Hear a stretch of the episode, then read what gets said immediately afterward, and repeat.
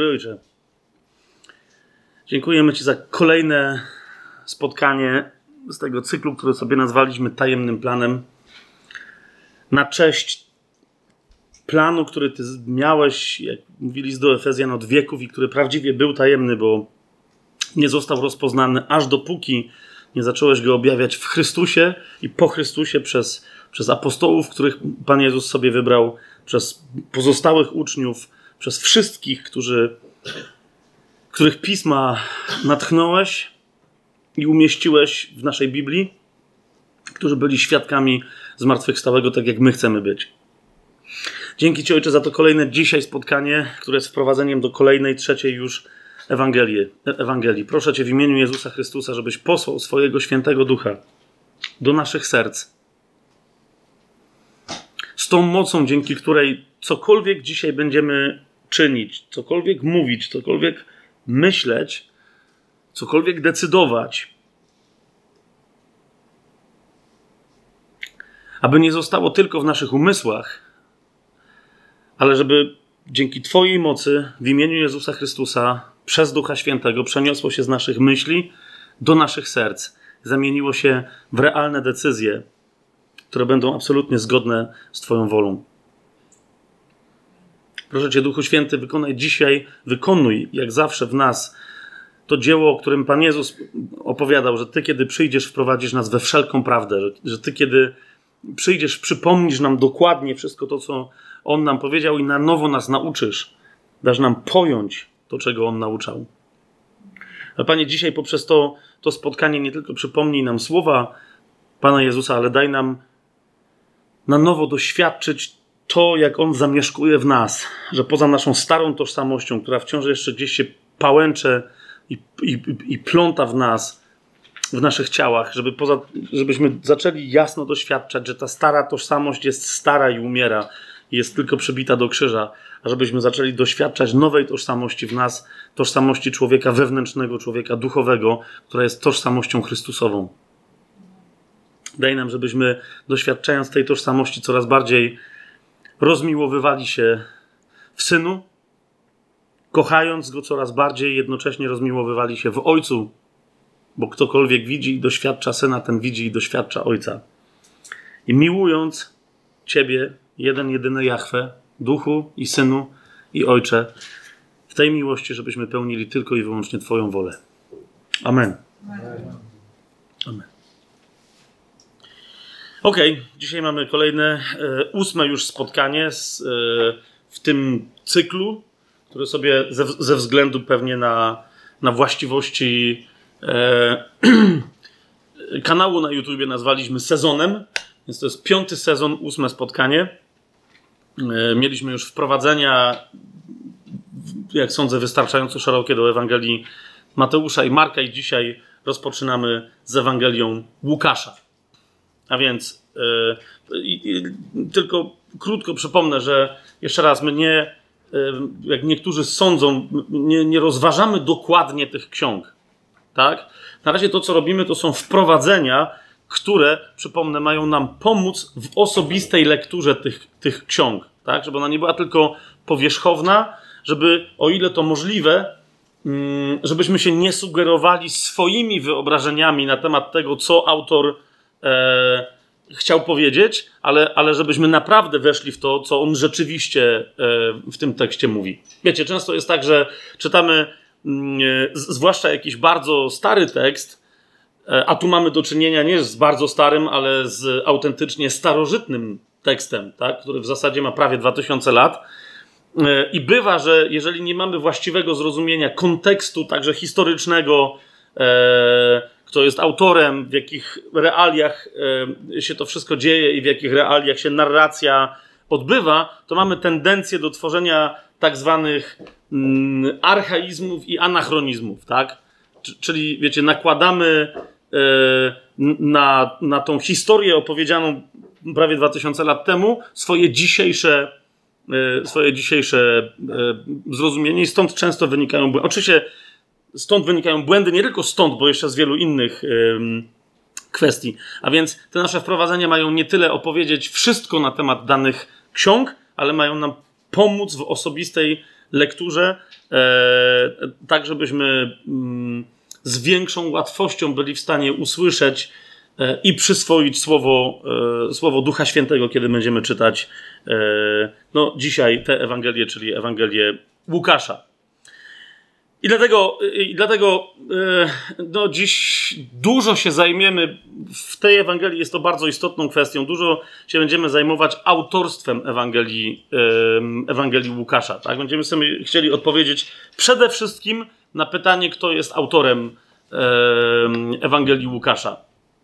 Później jeszcze ewentualnie, e, jak nam starczy czasu, to, to, to, sobie, to sobie odpowiemy na pytanie, kiedy została e, napisana, dla kogo została napisana i po co została napisana. Tylko w skrócie, nazwijmy, że to powiedzmy, że to będzie skrót, ale naprawdę e, w skrócie, dlatego że dopiero na następnym spotkaniu jeszcze głębiej wejdziemy w treści, w charakter tej Ewangelii, w treści, w jej naczelne przesłanie i tak dalej, które dzisiaj tylko zarysujemy. Ale z drugiej strony zauważycie, że samo rozważanie tego, kto jest autorem Ewangelii Łukasza, już bardzo wiele nam powie na temat samej tej Ewangelii, na temat jej treści i jej charakteru. Tak?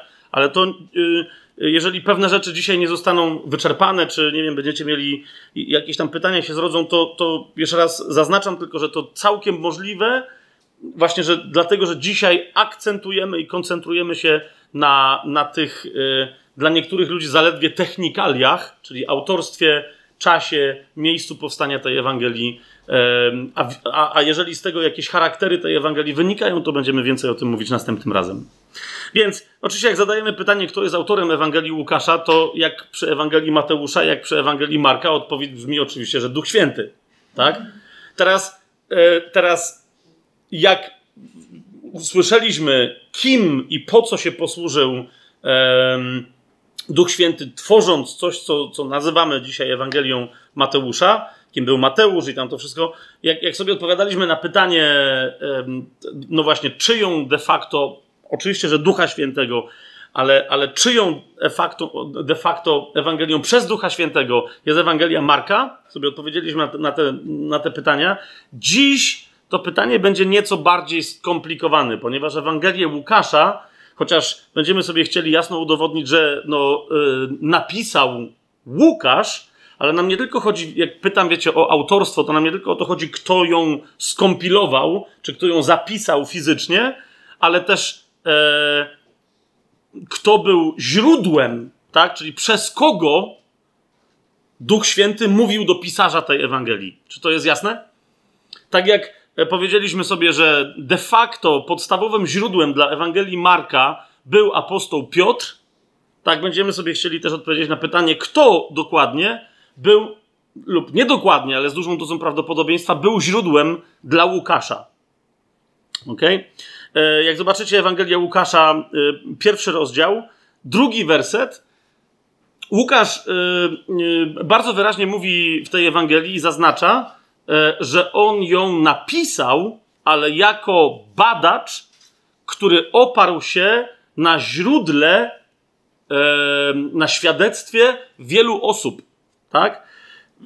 Rozdział pierwszy, wersety pierwszy i drugi, on mówi w ten sposób: Ponieważ wielu podjęło się sporządzić opis tych wydarzeń, co do których mamy zupełną pewność, a więc widzicie, e, jeżeli mówi wielu, to znaczy, że ma na myśli jakieś inne próby zapisania historii o Jezusie, nie tylko Ewangelię Mateusza czy Ewangelię Marka. My nawet nie bardzo wiemy, czy, czy on tak naprawdę tych ma na myśli, tak? A, a więc było sporo różnych zapisów i prób zapisania tego, yy, yy, kim był, jak działał i co, czego nauczał Jezus. Ponieważ wielu podjęło się sporządzić opis tych wydarzeń, co do których mamy zupełną pewność, tak jak nam je przekazali ci, którzy od początku byli naocznymi świadkami i sługami słowa. Tak? To jest źródło dla Łukasza. Ci, którzy od początku byli naocznymi świadkami, to jest jedna kategoria, i sługami słowa, to jest druga kategoria. Niektórzy mówią, że to jest jedna i ta sama kategoria. Sądzę, że nie do końca, tak? Precyzja języka Łukaszowego e, to mogą być ci sami ludzie, bo zasadniczo ci, którzy byli e, naocznymi świadkami, z wyjątkiem no, takiego na przykład Judasza, zasadniczo wszyscy stali się sługami słowa. Ale zważcie, że na przykład taki Paweł, który tylko sugeruje, że znał Chrystusa według ciała, ale do tego się prawie w ogóle w swojej służbie nie odnosi, on jest bardziej sługą słowa niż naocznym świadkiem. Jest to jasne, y, co mówię? To okej. Okay. I y, w tym kontekście dopiero y, Łukasz w trzecim wersecie mówi: Postanowiłem i ja, który to wszystko od początku dokładnie wybadałem, opisać ci to po kolei, zacznę Teofilu, abyś nabrał pewności co do tego, czego cię nauczono. Kim jest Teofil i tak dalej, to jeszcze będziemy dzisiaj e, mówić, ale jak się zmieścimy, e, ale później. A więc zasadniczo Łukasz mówi i przedstawia siebie, a w każdym razie, czy to jest Łukasz, to za chwilę, w każdym razie autor tej Ewangelii, na razie tak zacznijmy, tak? Autor tej Ewangelii, bezpośredni pisarz, że się tak wyrażę, tej Ewangelii, mówi, że sprawdził różne przekazy różnych naocznych świadków i sług słowa, przebadał je i skompilował w taki sposób, że, że jak sądzi, udało mu się, a my też sądzimy, że mu się udało, bo inaczej Duch Święty by tego nie natchnął i by tego nie potwierdził, zamieszczając tę Ewangelię jako jedną z czterech w kanonie. Tak? Więc mu się to udało zebrać, skompilować i przedstawić uwaga, w sposób chronologiczny. To jest bardzo istotne. Jak sobie przypomnicie, kiedy mówiliśmy o Ewangelii Marka, powiedziałem, że ta Ewangelia jest chronologiczna w sensie pewnych bloków, tak? I jest bardzo precyzyjna w sensie chronologii poszczególnych, konkretnych mini wydarzeń, tak? Mikro e, eventów. Na, natomiast tam, co po kolei się działo, to yy, w sensie takiej, wiecie, szczegółowej historii, to Marka niespecjalnie interesowało. Tu od Łukasza mamy zapewnienie, że on będzie przedstawiać historię po kolei, a więc jeżeli szukacie, co yy, kolejności wydarzeń, co po czym miało miejsce, kiedy, co, gdzie się wydarzyło, to yy, zawsze należy odnosić się do Łukasza, dlatego że on wyraźnie zaznacza, od początku dokładnie wybadałem i postanowiłem opisać ci to. Bardzo ważna uwaga, pierwszy rozdział, trzeci werset. Po kolei. Widzicie to? Po kolei. Łukasz wyraźnie zaznacza, że on jest chronologiczny. Dlaczego tak jest, to, y, to jeszcze później y, i, i czemu jakby nawet naturalnie Łukasz był przygotowany do tego, żeby w ten sposób pisać, to za chwilę o tym będziemy więcej mówić.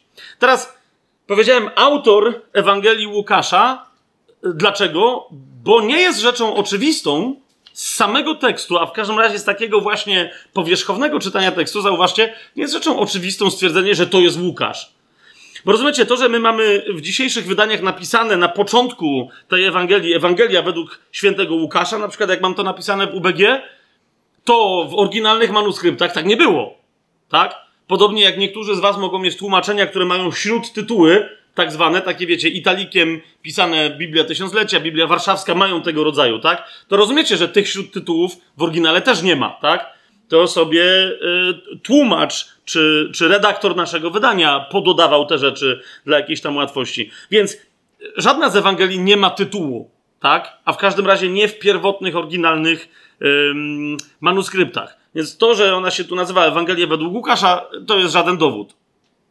Łukasz nie pojawia się nigdzie w tekście. Nie pojawia się absolutnie nigdzie w tekście swojej Ewangelii. Teraz, skoro Ewangelia, yy, idąc od początku, yy, rozpoczyna się jeszcze przed narodzeniem, ta Ewangelia rozpoczyna się jeszcze przed narodzeniem Pana Jezusa i kończy się oczekiwaniem na Ducha Świętego, Trudno, żeby Łukasz się znalazł w tej historii, jeżeli on sam siebie nie zalicza, a bardzo wyraźnie nie zalicza sam siebie do oryginalnych, pierwszych, naocznych świadków życia Jezusa, ani pierwszych uczniów, pierwszych sług słowa. Rozumiecie o co mi chodzi? Więc gdzie miałby się znaleźć w tej opowieści? Tu nie tylko chodzi o to, jak niektórzy powiadają, że Łukasz był bardzo skromny, podobnie jak Mateusz, który Wiecie, pa, pa, pamiętacie z, z, tych wykładów na temat Ewangelii Mateusza, gdzie się Mateusz podpisał w środku? Bardzo tak, żeby prawie go nie było widać. Tak samo jak rozmawialiśmy o Marku. Pamiętacie, jak, jak żeśmy długo musieli dowodzić, że ten młodzieniec, z którego zdarto prześcieradło i goły yy, ucieka po aresztowaniu Jezusa, że to prawdopodobnie jest on, ale, ale, ale też i, i jak, jak, jak żeśmy musieli, wiecie, jakie koło yy, zatoczyć i przejść po różnych wersetach, żeby dojść, że to prawdopodobnie jest Jan zwany Markiem, tak? I niektórzy mówią, że Łukasz też jest taki bardzo skromny i on się tu gdzieś schował.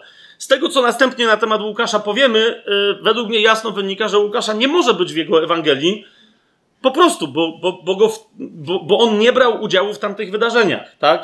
Będziecie mieli różne teorie, różne koncepcje, w ramach których wielu bardzo by chciało, i ja naprawdę, zwłaszcza, że to są badacze, których ja cenię, i rozumiem to, że oni by chcieli, żeby Łukasz gdzieś tam był. Tak? Jest na przykład taka koncepcja, że Łukasz mm, w bodaj 12 rozdziale Ewangelii Jana jest taka sytuacja, że przychodzą Grecy do Filipa, nie wiem, czy to, czy to pamiętacie, i oni pytają, czy mogliby się zobaczyć z Jezusem. I tam na to Jezus reaguje dosyć e, specyficznie, bo w ogóle nie odpowiada na pytanie, czy oni się mogą z nim zobaczyć, tylko zaczyna mówić o, o ziarnie, które dopóki nie, nie wpadłszy w glebę najpierw nie obumrze, to nie wyrośnie i e, jeżeli nie wpadnie, to zostanie tylko samo. Jest takie, mm, o co tu w ogóle chodzi. Niektórzy mówią, wśród tych Greków był Łukasz, tam są jeszcze jakieś inne koncepcje, ale jeszcze raz, według mnie Łukasz chociażby w tym oświadczeniu tutaj, w pierwszych czterech wersetach swojej Ewangelii, wyraźnie zaznacza, że on sprawdzał naocznych świadków, badał ich, rozmawiał z nimi, ale on do tych naocznych świadków nie należy. Tak? Kolejna bardzo istotna, e, bardzo istotna rzecz, którą od razu sobie musimy zaznaczyć. Ja rozumiem, że tu wszyscy to wiedzą, ale niekoniecznie, chociaż to nie wiem, upewnijmy się, niekoniecznie wszyscy, którzy będą e, następnie przesłuchiwać e, ten materiał jakoś na YouTubie, czy, czy na MP3, czy jeszcze jakoś inaczej, niekoniecznie to będą wiedzieć. Później to się stanie jeszcze bardziej oczywiste, ale od razu to zaznaczam. Kochani, Ewangelia Łukasza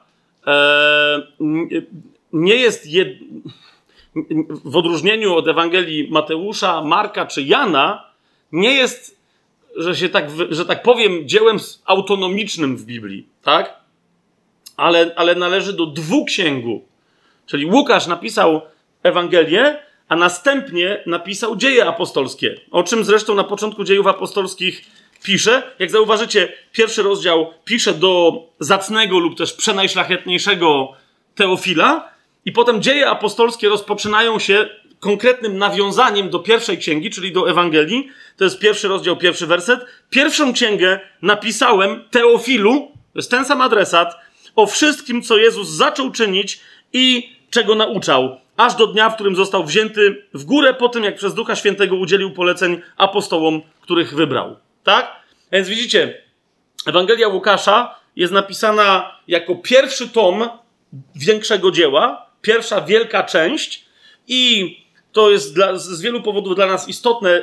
Myślę, że to dość jasno wynika z dziejów apostolskich, że Paweł, kiedy pisał Ewangelię Łukasza, miejcie to z tyłu głowy, jak później pewne kwestie będą, będziemy podnosić, kiedy Łukasz pisał swoją Ewangelię, miał z tyłu głowy, tak jak wy miejcie to z tyłu głowy, że będzie pisać dzieje apostolskie.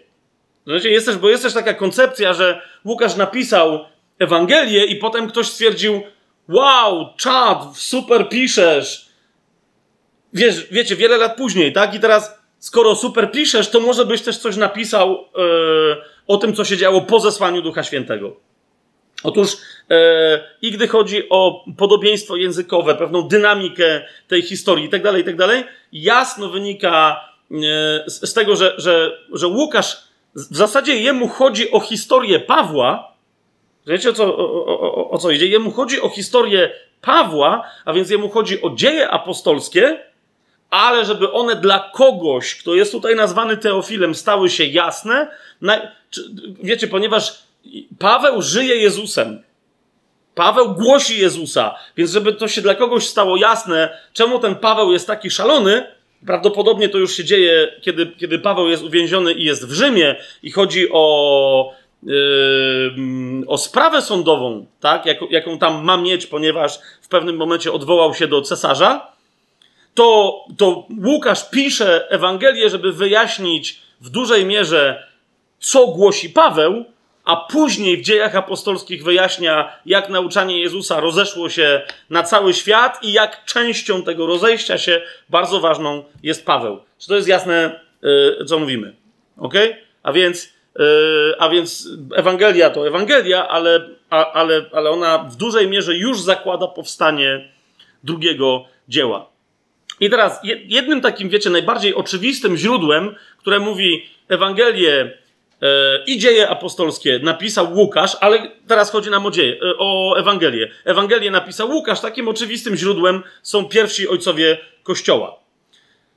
Dla mnie nie jedynym, i chciałbym Wam pokazać pewien biblijny sposób myślenia, jak też można do tego typu rzeczy dochodzić, ale, ale najpierw umówmy się, rzeczywiście dla wielu badaczy E, znawców Biblii, egzegetów, mm, historyków, archeologów Biblii i tak dalej, jest rzeczą oczywistą, że świadectwo takich e, ojców jak e, Ireneusz z Lyonu, Tertulian, kto tam był jeszcze, Klemens Aleksandryjski, Orygenes jest wystarczająco dobre. Oni wszyscy twierdzą, że Łukasz napisał trzecią Ewangelię.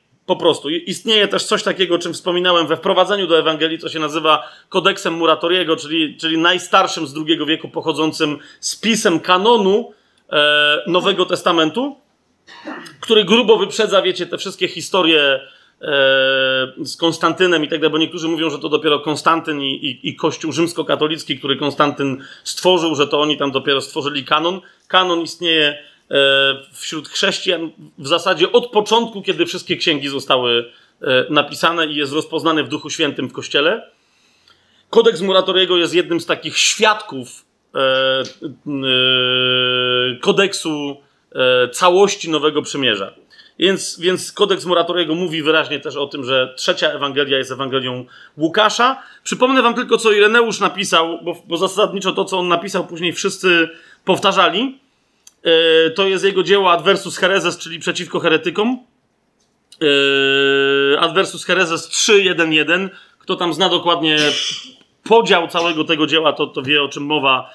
Jak ktoś będzie chciał poznać, to się też szybko zorientuje, nie będę teraz tego tłumaczył. To jest Adversus Hereses 3.1.1. E, cytowałem już ten, ten fragment, gdy chodzi o autorstwo Mateusza, gdy chodzi o autorstwo Marka. I o tych autorstwach też powiem, żebyście widzieli coraz bardziej poszerzającą się perspektywę, dodaje teraz do tego Ewangelię Łukasza. Otóż w Adversus Hereses 3.1.1 Ireneusz z Lyonu napisał w ten sposób. Mateusz wydał pisaną Ewangelię pośród Hebrajczyków w ich własnym dialekcie, kiedy Piotr i Paweł głosili w Rzymie i kładli podwaliny kościoła. Po ich odejściu Marek, uczeń i tłumacz Piotra, również przekazał nam na piśmie to, co głosił Piotr. I teraz uważajcie. Ireneusz stwierdza, podobnie Łukasz, towarzysz Pawła, zawarł w księdze Ewangelię głoszoną przez Pawła. Taka jest teza, dość zaskakująca, wciąż tak myślę. I dla wielu, wielu z tego powodu, między innymi świadectwo Ireneusza odrzuca, bo oni mówią, że Marek napisał coś, co było głoszone przez Piotra, no wszystko gra. Ale gdzie Łukasz? A gdzie Paweł? To, że był jego towarzyszem, to wcale nie znaczy, że on zapisał Ewangelię, którą głosił Paweł. Okej, okay, to jest głos Ireneusza i inni zdają się go, pod, zdają się go, tylko go potwierdzają. Tertulian, Klemens Aleksandryjski, Orygenes.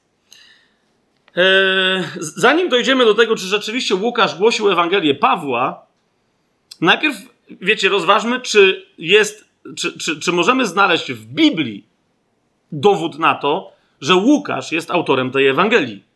Bo niektórzy mówią, no dobra, ojcowie o tym świadczą, a poza tym tradycja o tym cała mówi, ale poza tym to niespecjalnie to jakkolwiek widać. Głowiłem się troszeczkę nad tym, popatrzyłem, jak do tego podchodzą niektórzy, trzeźwo myślący, biblijnie, naprawdę wierzący e, w autorytet Słowa Bożego e, badacze, i e, okazuje się, że rzeczywiście istnieje taka ścieżka, jak się poskłada wszystko, co wiemy na temat, e, na temat Łukasza, ścieżka, że się tak wyrażę, trzech twierdzeń, które według mnie jasno pokazują, że Łukasz jest autorem. Tak? Dla nas jest to bardzo ważne, bo będzie, po, a okej, okay, no Łukasz czy nie Łukasz, zajmijmy się tekstem, ale jeszcze raz, ze względu na to, jak później będziemy badać charakter tej Ewangelii, bardzo jest dla nas istotną wiedzą, że Łukasz jest jej autorem. Okay? Otóż, jak do tego możemy dojść drogą dedukcji, że to Łukasz napisał tę Ewangelię? Po pierwsze, e, wychodzimy z prostego założenia, i to jest pierwsza teza i pierwsze twierdzenie, że autor Ewangelii Łukasza to jest też autor dziejów apostolskich. Tak? Po pierwsze, dlatego, że to wynika z narracji, tak? Dzieje, znaczy y, Ewangelia Łukasza jest napisana przez jakiegoś autora dla kogoś, kogo on nazywa zacnym lub też przenajszlachetniejszym Teofilem, dzieje apostolskie rozpoczynają się od introdukcji, w której zdawałoby się ten sam autor pisze dla tego samego konkretnego jednego odbiorcy, adresata, którego znowu nazywa Teofilem. Jasne to jest? I mówi mu, że napisał jakąś inną książkę, czyli Ewangelię, bo w niej znajdują się, e, znajduje się początek działalności Jezusa, to co robił i to, e, co głosił. Tak? A więc wynika to z narracji, że musiał napisać jeden i ten sam autor, dzieje apostolskie i Ewangelię Łukasza. Zgadza się?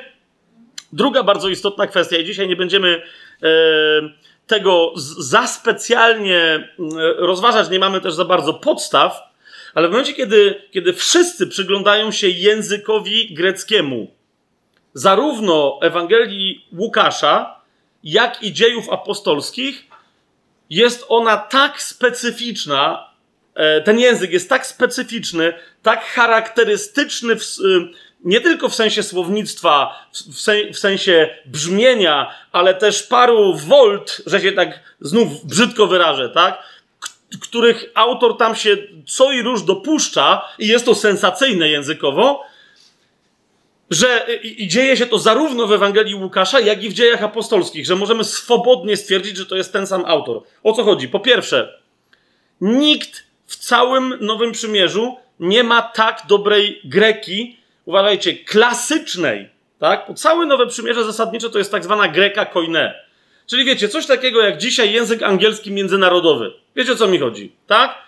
A więc mamy język angielski międzynarodowy i nagle pojawia się yy, no i jest też greka koine. Greka powszechnie wykorzystywana na terytorium całego yy, cesarstwa rzymskiego. I nagle pojawia się ktoś yy, z, z, z fantastycznym, wysublimowanym językiem angielskim z, z Oxfordu albo z Cambridge. Rozumiecie? Po prostu to jest angielski, angielski. I tu się pojawia grecki klasyczny, tak? Taki grecki, którego by się nie powstydził e, Arystoteles, Platon, Plutarch i tak dalej, i tak dalej, tak? To jest po pierwsze. Po drugie, e, okazuje się, że słownictwo tego kogoś, kto pisze Ewangelię trzecią Ewangelię i kto pisze dzieje apostolskie, jest słownictwem w dużej mierze, nie, nie, może nie w dużej mierze. Yy, bo, po pierwsze, widać, że jest to klasyczna greka, to jest język wysoki, prze, prze, przesiąknięty kulturą języka. Czuć, że jest to człowiek bardzo dobrze wykształcony. I po czwarte, bardzo często posługuje się terminologią charakterystyczną tylko i wyłącznie dla lekarzy tamtych czasów.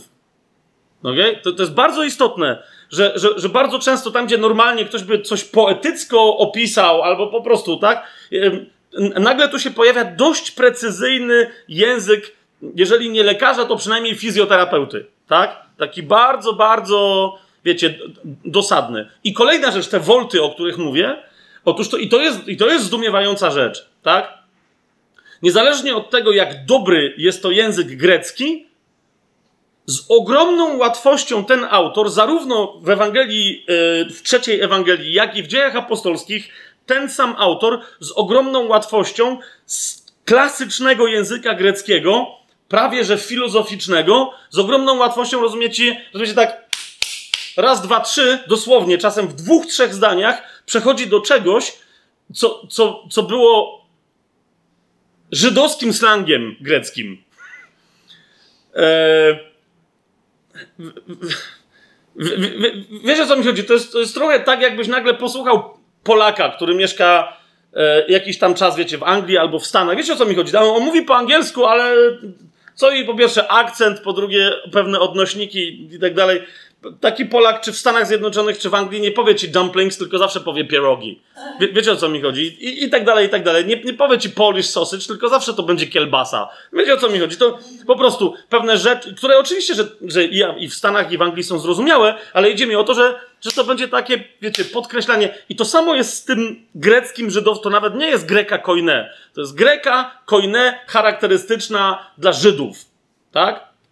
Co jest o tyle dziwne, Teraz zważcie na to, co jest o tyle dziwne, że ten autor z łatwością przechodzi na taki język grecki, kiedy opisuje bardzo charakterystyczne żydowskie momenty czy historie, ale jednocześnie w ramach tego opisu zachowuje się trochę jak Marek, Mianowicie cały czas tłumaczy swojemu czytelnikowi różne żydowskie historie. Wiecie, Marek pisał dla pogan, to jest jasne, co mówię, tak? Łukasz ewidentnie też pisze dla pogan, ale tak jakby był Żydem, tak? Znaczy jeszcze nie wiemy, czy to jest Łukasz. Chodzi mi o tego autora trzeciej Ewangelii i autora dziejów apostolskich, tak?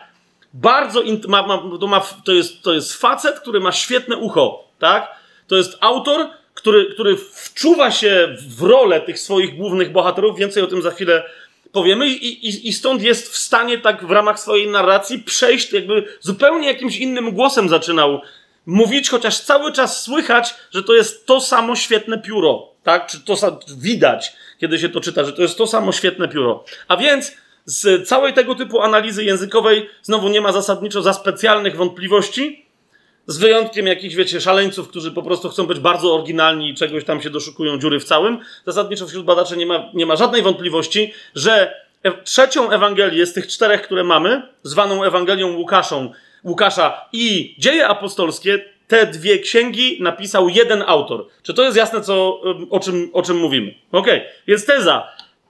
Autor trzeciej Ewangelii jest jednocześnie autorem dziejów apostolskich i odwrotnie wydaje mi się być obroniona. Przechodzimy wobec tego do drugiej tezy. Skoro to jest jeden autor, ok?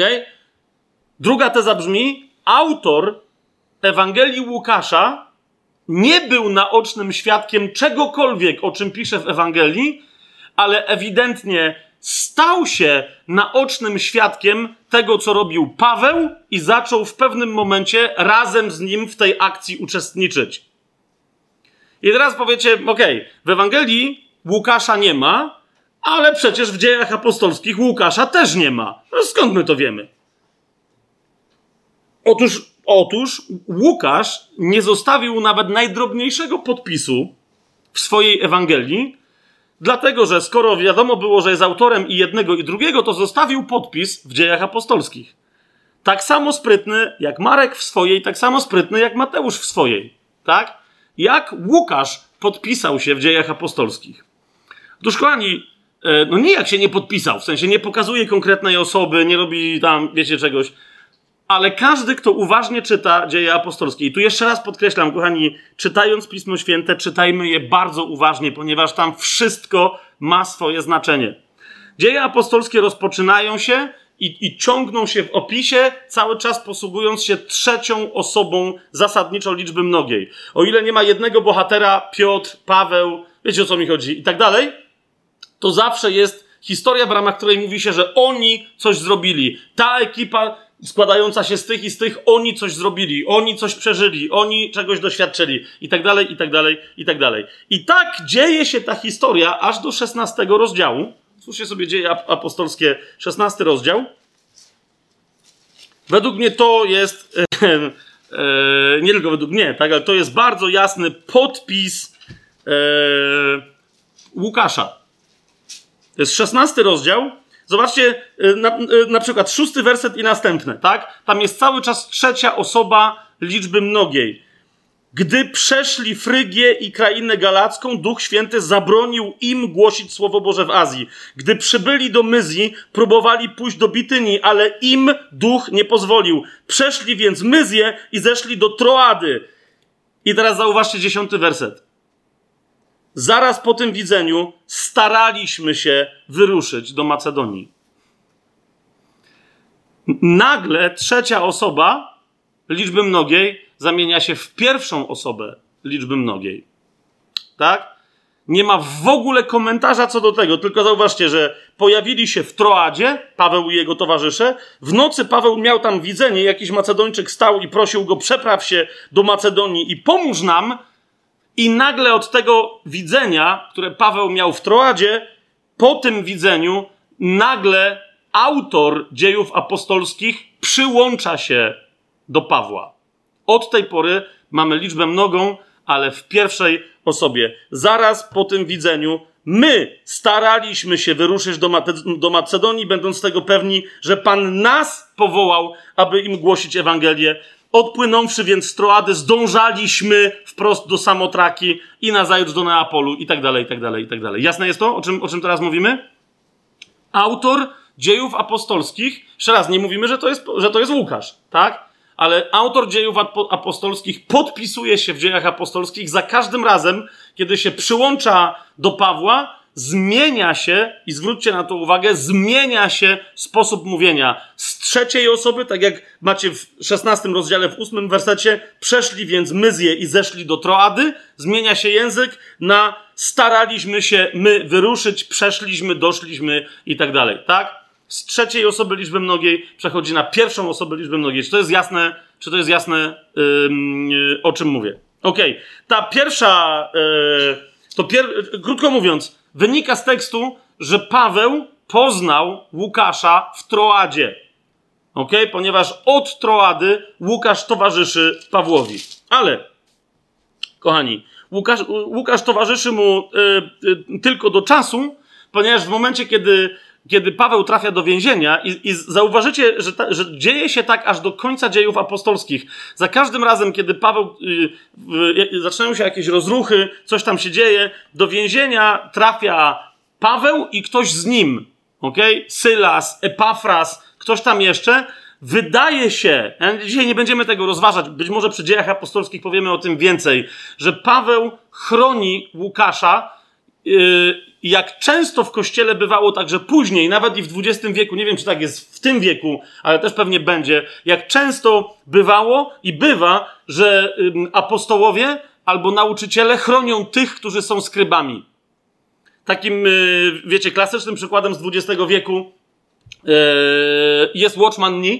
Niezależnie od tego, co kto o nim sądzi. Rozumiecie mnie teraz, yy, chociaż uważam jego nauczanie w dużej mierze za bardzo dobre, absolutnie ortodoksyjne i tak dalej, tak? Ale mamy, mamy chińskiego nauczyciela, którego, którego pism, którego nauczanie właśnie wywarło ogromny wpływ na całe Rzesze w Chinach, na powstanie potężnego ruchu kościołów domowych i tak dalej, i tak dalej, tak pod nie wie, wiecie jakim prześladowaniem w Chinach, w Chinach, do, jeszcze do, do, do, do, do początku 90. lat, macie Watchmana Ni, który, yy, którego jednym z najbliższych współpracowników jest uwielbiający pisać Witness Lee.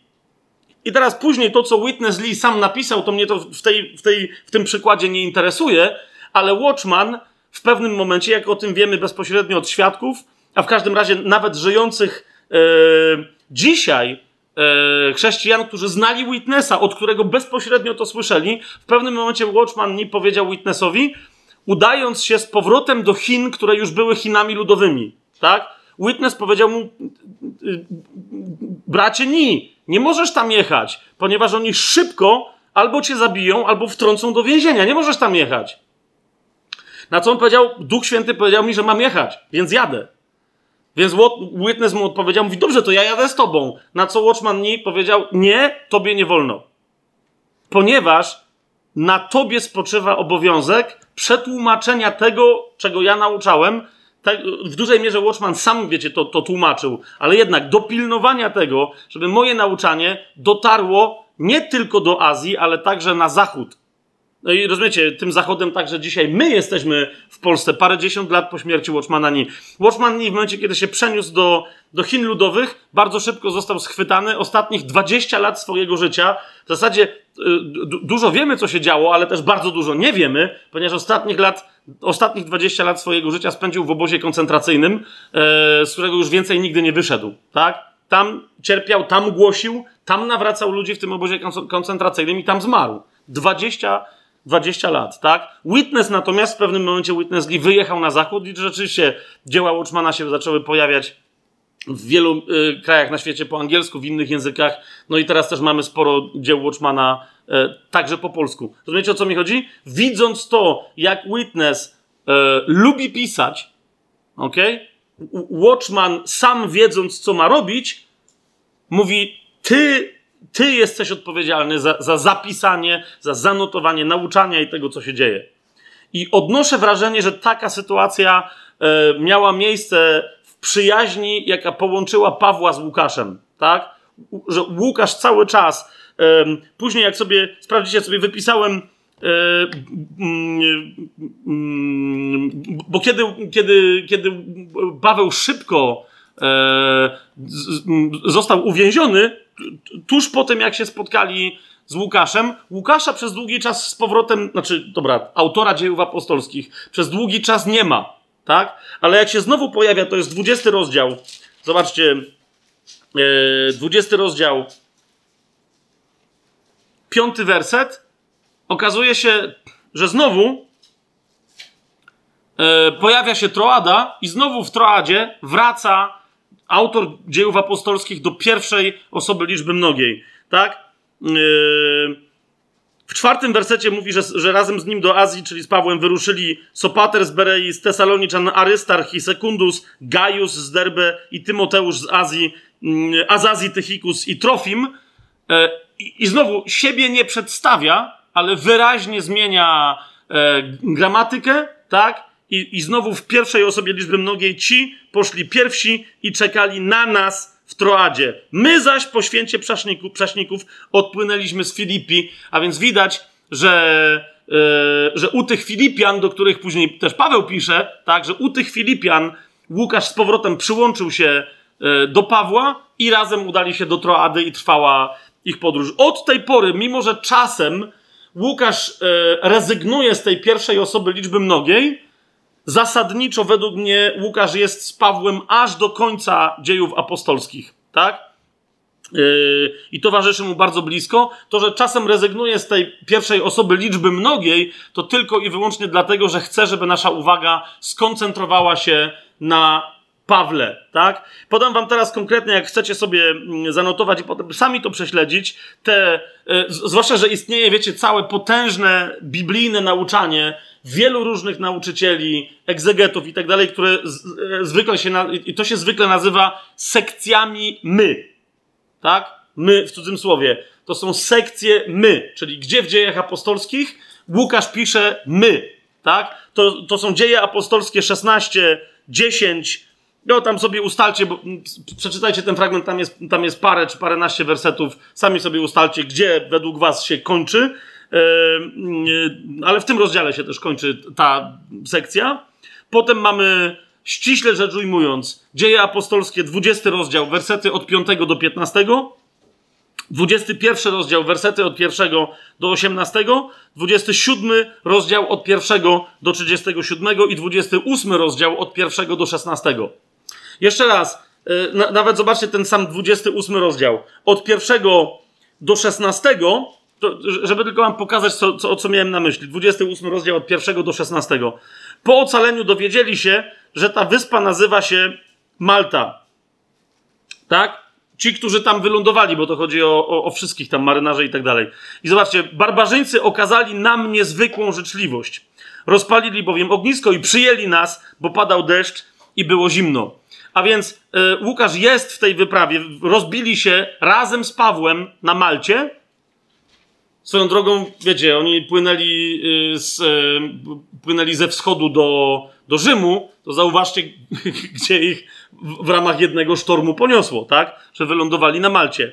Ale teraz w szesnastym wersecie cały czas Paweł y, Łukasz kontynuuje, kontynuuje. Gdy przybyliśmy do Rzymu, setnik oddał więźniów dowódcy wojska, ale Pawłowi pozwolono mieszkać osobno z żołnierzem, który go pilnował. I teraz widzicie, Łukasz się oddziela od Pawła, ponieważ z nim, z Pawłem, mieszka tylko jeden żołnierz oddelegowany do, tylko do tego, żeby go pilnować. A więc, dlatego Łukasz zmienia znowu e, formułę i y, mówi tylko w trzeciej osobie, w liczbie, poje, w liczbie pojedynczej, mówi tylko o Pawle. 17 werset.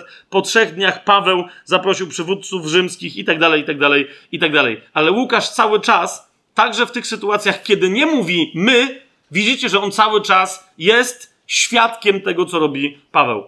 Widzicie to? Tylko pomiędzy 16 według mnie a 20 e, rozdziałem, czyli 17, 18, 19, rzeczywiście tam nie ma Łukasza z pewnych względów, ale nie będziemy tego dzisiaj rozważać. To oznacza, że, że de facto Łukasz z Pawłem nie współpracował bezpośrednio i nie towarzyszył mu ciągle, przynajmniej przez jakieś 6 do 9 nawet lat. Tak? ale to będziemy tam sobie potem rozważać, ile co gdzie trwało. Jak już w 20 rozdziale się przyłącza e, do Pawła, to, to niezależnie od tego, gdzie, jak, ile wersetów zajmują te sekcje my w dziejach apostolskich, Łukasz cały czas jest z Pawłem. Aha, no i teraz. bo już zacząłem gadać, że Łukasz jest cały czas z Pawłem, a na razie tylko pierwsza teza brzmiała: autor dziejów apostolskich jest autorem Ewangelii Łukasza. W dziejach apostolskich autor dziejów staje się naocznym świadkiem, którym nie był, którym to nie był naocznym świadkiem w Ewangelii Łukasza. Mamy jasność w tej kwestii? Teraz skąd wiemy zatem, że autorem Ewangelii Łukasza i dziejów apostolskich, po tym wszystkim, co zostało powiedziane, jest Łukasz. Po pierwsze, otwórzcie sobie list do Kolosan Pawła, w którym wiemy, że jest pisany już z Rzymu. Tak, list do Kolosan. W każdym razie w czasie jego pierwszego. Okej, okay, też, też będziemy mówić, czy to było pierwsze, czy drugie uwięzienie. To jest list do Kolosan, czwarty, mm, czwarty rozdział. Od dziesiątego wersetu będziemy czytać. W dziewiątym rozdziale, w, dziesiątym, w czwartym rozdziale, w dziesiątym wersecie e, do Kolosan Paweł e, pisze w ten sposób. Pozdrawia was Arystarch, mój współwięzień i Marek, siostrzeniec Barnaby, co do którego otrzymaliście polecenie, przyjmijcie go, jeśli do was przybędzie. To jest autor Ewangelii Marka. I Jezus, zwany Justusem, którzy są z obrzezania. To jest bardzo istotna uwaga. Tych trzech, on mówi, to, to oni są z obrzezania, to znaczy oni z pochodzenia są Żydami. I teraz komentarz na ich temat. Ci są moimi, moimi jedynymi współpracownikami dla Królestwa Bożego, którzy stali się dla mnie pociechą. I teraz rozpoczyna pozdrowienia od chrześcijan, którzy nie byli żydowskiego pochodzenia. A więc mówi: Pozdrawia was Epafras, który pochodzi spośród was, jasna sprawa, sługa Chrystusa, czyli, yy, czyli z Kolosan, tak? Sługa Chrystusa zawsze o to walczący za was w modlitwach, abyście byli doskonali i zupełni we wszelkiej woli Boga wydaje mu świadectwo, że się gorliwie o was troszczy i tak dalej. I teraz razem z Epafrasem, 14 werset, zauważcie, pozdrawia was Łukasz, umiłowany lekarz i Demas. Czego się dowiadujemy więc o Łukaszu? Po pierwsze, e, no, że w czasie pisania tego listu z Rzymu, to jest jednym z tych, którzy są z Pawłem, jest Łukasz, tak? Ale o, o ktoś powie, no to Epafras albo Demas mogli też pisać dzieje apostolskie i Ewangelię Łukasza, no bo ich było przynajmniej trzech, których on wymienia, tak? Nie bierzemy pod uwagę tych, którzy są z obrzezania, ponieważ ten ktoś, kto pisze Ewangelię Łukasza i dzieje apostolskie, posługuje się za dobrą Greką, jasne to jest, żeby być Żydem, tak? Tak? Halo, okej, okay, dobra. A więc to może być albo Epafras, albo Łukasz, albo Demas. Po drugie, po drugie, jasne świadectwo wydaje Paweł Łukaszowi, że on jeden nie tylko ma wykształcenie bardzo dobre greckie, ale że on jeden jest lekarzem. Tak? Przez niego umiłowany, ale on w innych miejscach mówi umiłowany syn, o kimś, o Tymoteuszu i tak dalej, tak? O Łukaszu mówi Paweł umiłowany lekarz, tak? Tylko on jeden więc z tej trójki Epafras, Łukasz, Demas byłby kimś, kto potrafiłby się posługiwać nie tylko dobrą Greką, ale też w ramach tej Greki słownictwem stricte, jak na tamte czasy, medycznym. Później, pisząc jeszcze później yy, z Rzymu, w liście do Filemona, który sobie teraz otwórzmy, Paweł yy, jeszcze raz zaznacza, yy, kto mu towarzyszy. List do Filemona, zobaczcie sobie 23 i 24 werset. Pozdrawiają cię Epafras, pisząc do Filemona, więc, więc Filemona pozdrawiają, pozdrawiają cię Epafras, mój współwięzień w Chrystusie Jezusie. Widzicie, jest kolejny raz, kiedy widać, że, że, że Epafras, tak jak wcześniej Sylas, trafia do więzienia, tak? A pozostali, którzy współpracują z Pawłem w tym więzieniu, nie siedzą z jakichś względów, tak? Pozdrawiają cię Epafras, mój współwięzień w Chrystusie Jezusie, Marek, Arystarch, Demas, Łukasz, moi współpracownicy. Marek, jak wiemy, napisał inną Ewangelię Arystarch, to na razie tego zawodnika pomijamy. Demasa, zaraz jeszcze do niego wrócimy, a więc jeszcze raz widzicie, e, pojawia się prawie, prawie ta sama ekipa, Epafras, Demas, Łukasz, plus jeszcze Marek i Arystarch, e, no ale oni, właśnie, oni są z obrzezania, tak? Skąd więc wiemy, że tylko Łukasz ostatecznie mógł być z całą pewnością tym, który jest w stanie dopisać dzieje apostolskie pisząc my do końca, ponieważ w drugim do Tymoteusza, który jest zasadniczo ostatnim listem, jaki, jaki Paweł napisał, zaraz po stwierdzeniu wiecie, takim testamentowym, bo Paweł się żegna z Tymoteuszem, tak? To jest czwarty rozdział drugiego do Tymoteusza, siódmy i ósmy werset. Paweł pisze: Dobrą walkę stoczyłem, bieg ukończyłem, wiarę zachowałem. Odtąd odłożona jest dla mnie korona sprawiedliwości, którą mi w owym dniu da Pan. Więc rozumiecie, jeżeli on już wie, że ma odłożoną koronę sprawiedliwości, to znaczy, że Paweł wie, że po, że po prostu ma dni, może tygodnie, ale że jest tuż przed swoją śmiercią i ma całkowitą pewność co do tego. A więc to są ostatnie dni Pawła i teraz zauważcie, y, co w związku z tym pisze do Tymoteusza. Dziewiąty werset. Postaraj się przybyć do mnie szybko.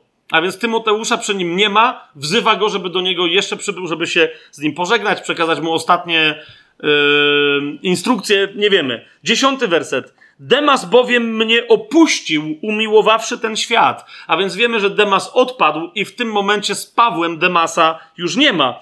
I udał się do Tesaloniki. Kresens do Galacji, prawdopodobnie wysłany y, przez Pawła, podobnie jak Tytus do Dalmacji, prawdopodobnie też wysłany przez Pawła, bo ci nie opuścili, nie umiłowali świata, a więc oni są w misji. I teraz zauważcie, jedenasty werset dla nas kluczowy. W tym, w tych ostatnich dniach, a pewnie godzinach Pawła pozostaje tylko jeden człowiek przy nim i to jest Łukasz. To jest jedenasty werset, który mówi o tym wprost, bezpośrednio. Tylko Łukasz jest ze mną tylko Łukasz jest ze mną. Ok? Czy Tymoteusz zdążył, żeby się jeszcze osobiście pożegnać z Pawłem?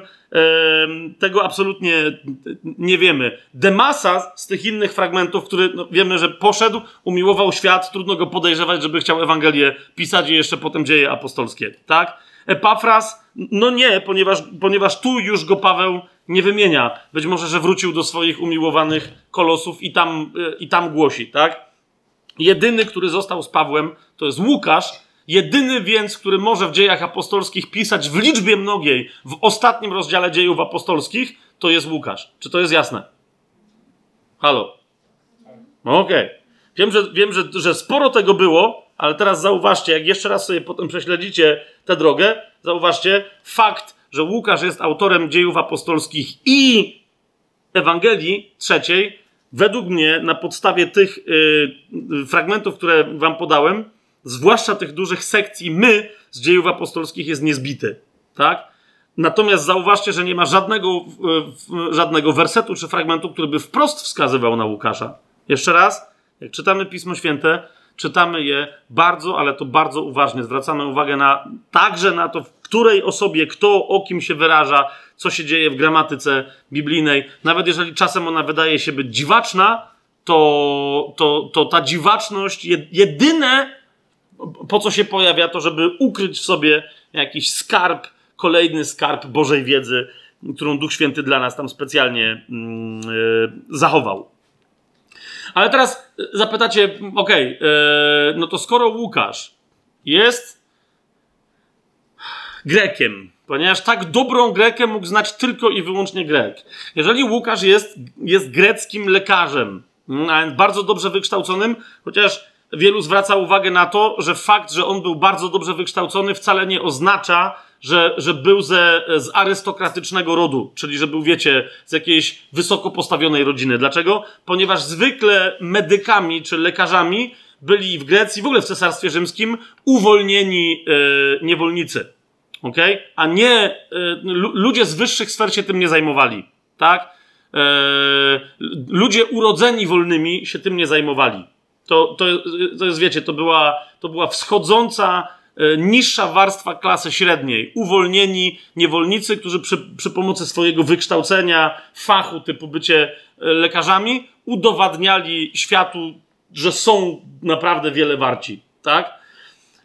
Ale skąd by, skąd by się miało wziąć e, Łukasz, Łukaszowi to, że tak świetnie, jak, jak wam powiedziałem, potrafił wykonywać dziwaczne wolty, typu wczuwać się rewelacyjnie e, i z klasycznej greki, którą ze swobodą demonstrował, przechodzić na tą grekę koinę najdziwniejszego żydowskiego sortu.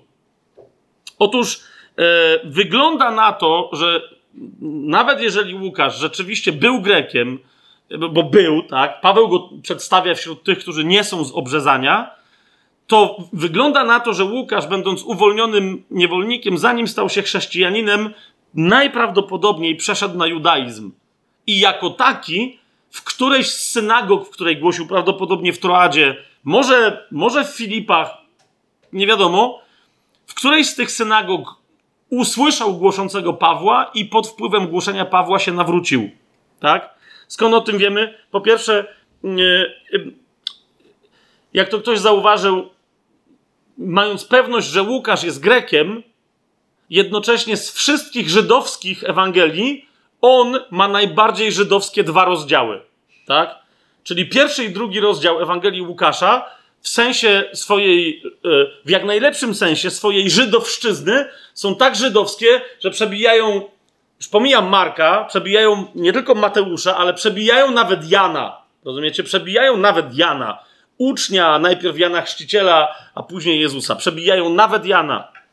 Nikt inny nie ma tak precyzyjnie opisanych e, zwyczajów, nie tylko świątynnych, ale też w cudzym słowie powiem, charyzmatycznych zwyczajów judaistycznych, tak? Bo się pojawiają w Ewangelii Łukasza e, ludzie prorokujący, tak jak Anna czy Symeon, e, pamiętacie to? E, I, I to, te hymny, które oni wyśpiewują, tak? Tam macie wyśpiewujących hymny Annę, Łukasza, Marię, Matkę Jezusa i tak dalej, i tak dalej.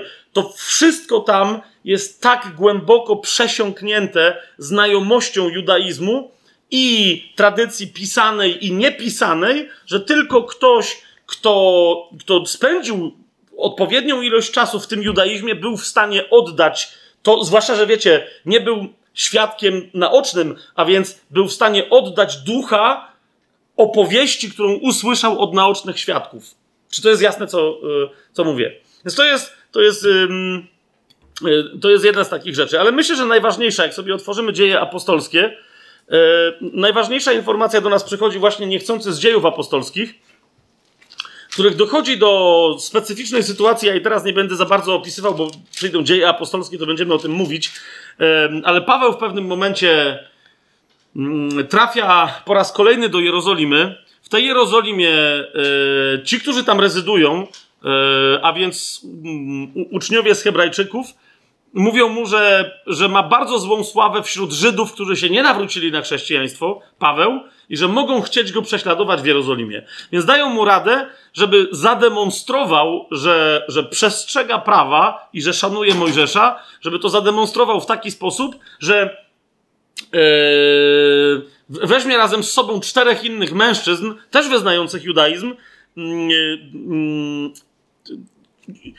yy, którzy złożyli śluby najprawdopodobniej nazirejskie, tak, czyli związane z Księgą Liczb szóstym rozdziałem, tam sobie możecie więcej na ten temat poczytać, najprawdopodobniej złożyli takie śluby, żeby one się stały ważne. Oni mówią do Pawła, weź ich do świątyni i ty zapłać i za siebie, i za nich yy, na ofiarę, żeby ich śluby zostały, yy, żeby ich śluby zostały przyjęte. I teraz on to robi, a pod koniec okresu oczyszczenia, kiedy znowu się pojawiają w świątyni, żeby dopełnić tego ślubowania, nagle dochodzi do następującej y, sytuacji. Zobaczcie 21 rozdział, 27 werset i następne. Kiedy zaś te siedem dni dobiegało końca, zobaczyli go w świątyni Żydzi z Azji, podburzyli tłum i rzucili się na niego, na Pawła, bo tu chodzi o Pawła, wołając: Mężowie Izraelici, pomóżcie! To jest człowiek, który wszędzie wszystkich naucza przeciwko ludowi i prawu i temu miejscu, a nadto jeszcze i Greków wprowadził do świątyni i splugawił to święte miejsce. I teraz zauważcie, to jest Paweł, z którym między innymi chodzi Łukasz. Także inni, yy, także inni, tak? Tymoteusz, ale Tymoteusz był obrzezany. Okej, okay, nie będziemy teraz w to wchodzić. Yy, I co jest interesujące, że żeby oskarżyć Pawła, okay, wskazują na jednego konkretnego człowieka, który według nich jest Grekiem i nie przeszedł na judaizm. I o dziwo, nie jest to Łukasz, tak, którego by wskazali, ale jest to kto? 29 werset nam o tym mówi. Trofim z Efezu. Przedtem bowiem widzieli z nim w mieście Trofima z Efezu i sądzili, że Paweł wprowadził go do świątyni. Tak? A więc widzicie, chociaż yy, ten 21 rozdział to jest jeden z tych, z tych rozdziałów, który należy do sekcji my. To znaczy Łukasz jest z Pawłem, Zauważcie, nikt e, z obecnych e, w ramach tej sytuacji nie sugeruje nawet, że jeden z towarzyszy Pawła, kto by przypominał Łukasza, że, jest, e, że nie jest wyznawcą judaizmu.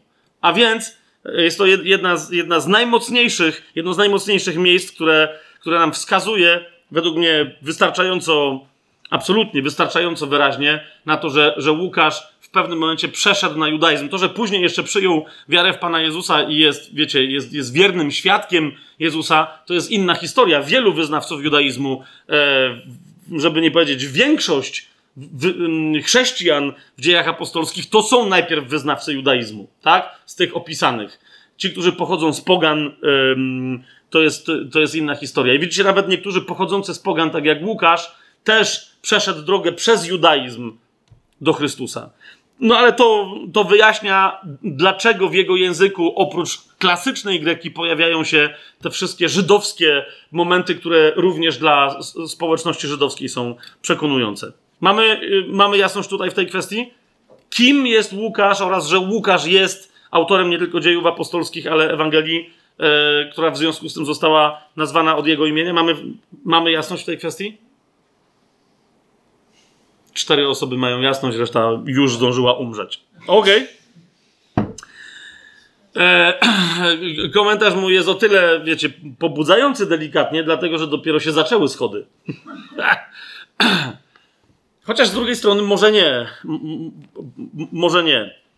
E, e, to, żeby dowieść, że, że Łukasz, i to taki Łukasz, jak wam go teraz opisuję, to, żeby dowieść, że taki Łukasz pisał Ewangelię, o której będziemy więcej teraz mówić, coraz więcej, mm, jest istotne, ponieważ już samo to świadczy o charakterze tej Ewangelii.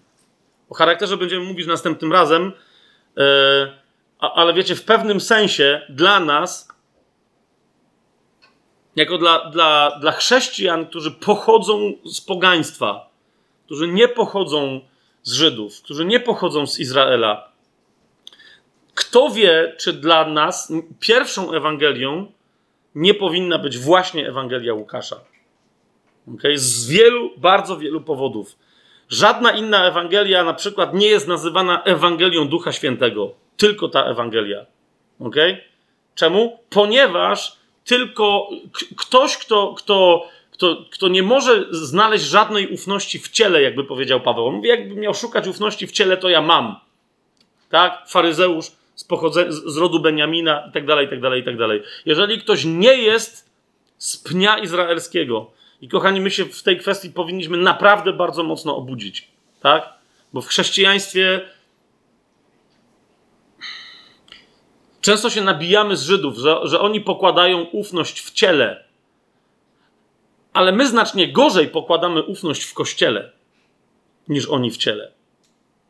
Wiecie? Jak przez sam fakt, że ktoś się znajduje w kościele, przez sam fakt, że to swoje znajdywanie się w kościele jakimiś tam obyczajami tygodniowymi i, czy codziennymi zaznacza, hej, przecież jestem w kościele, w kościele mówi, to wystarczy, to wystarczy, żebym miał pełną, pełną łaskawość od Pana. Czyż nie?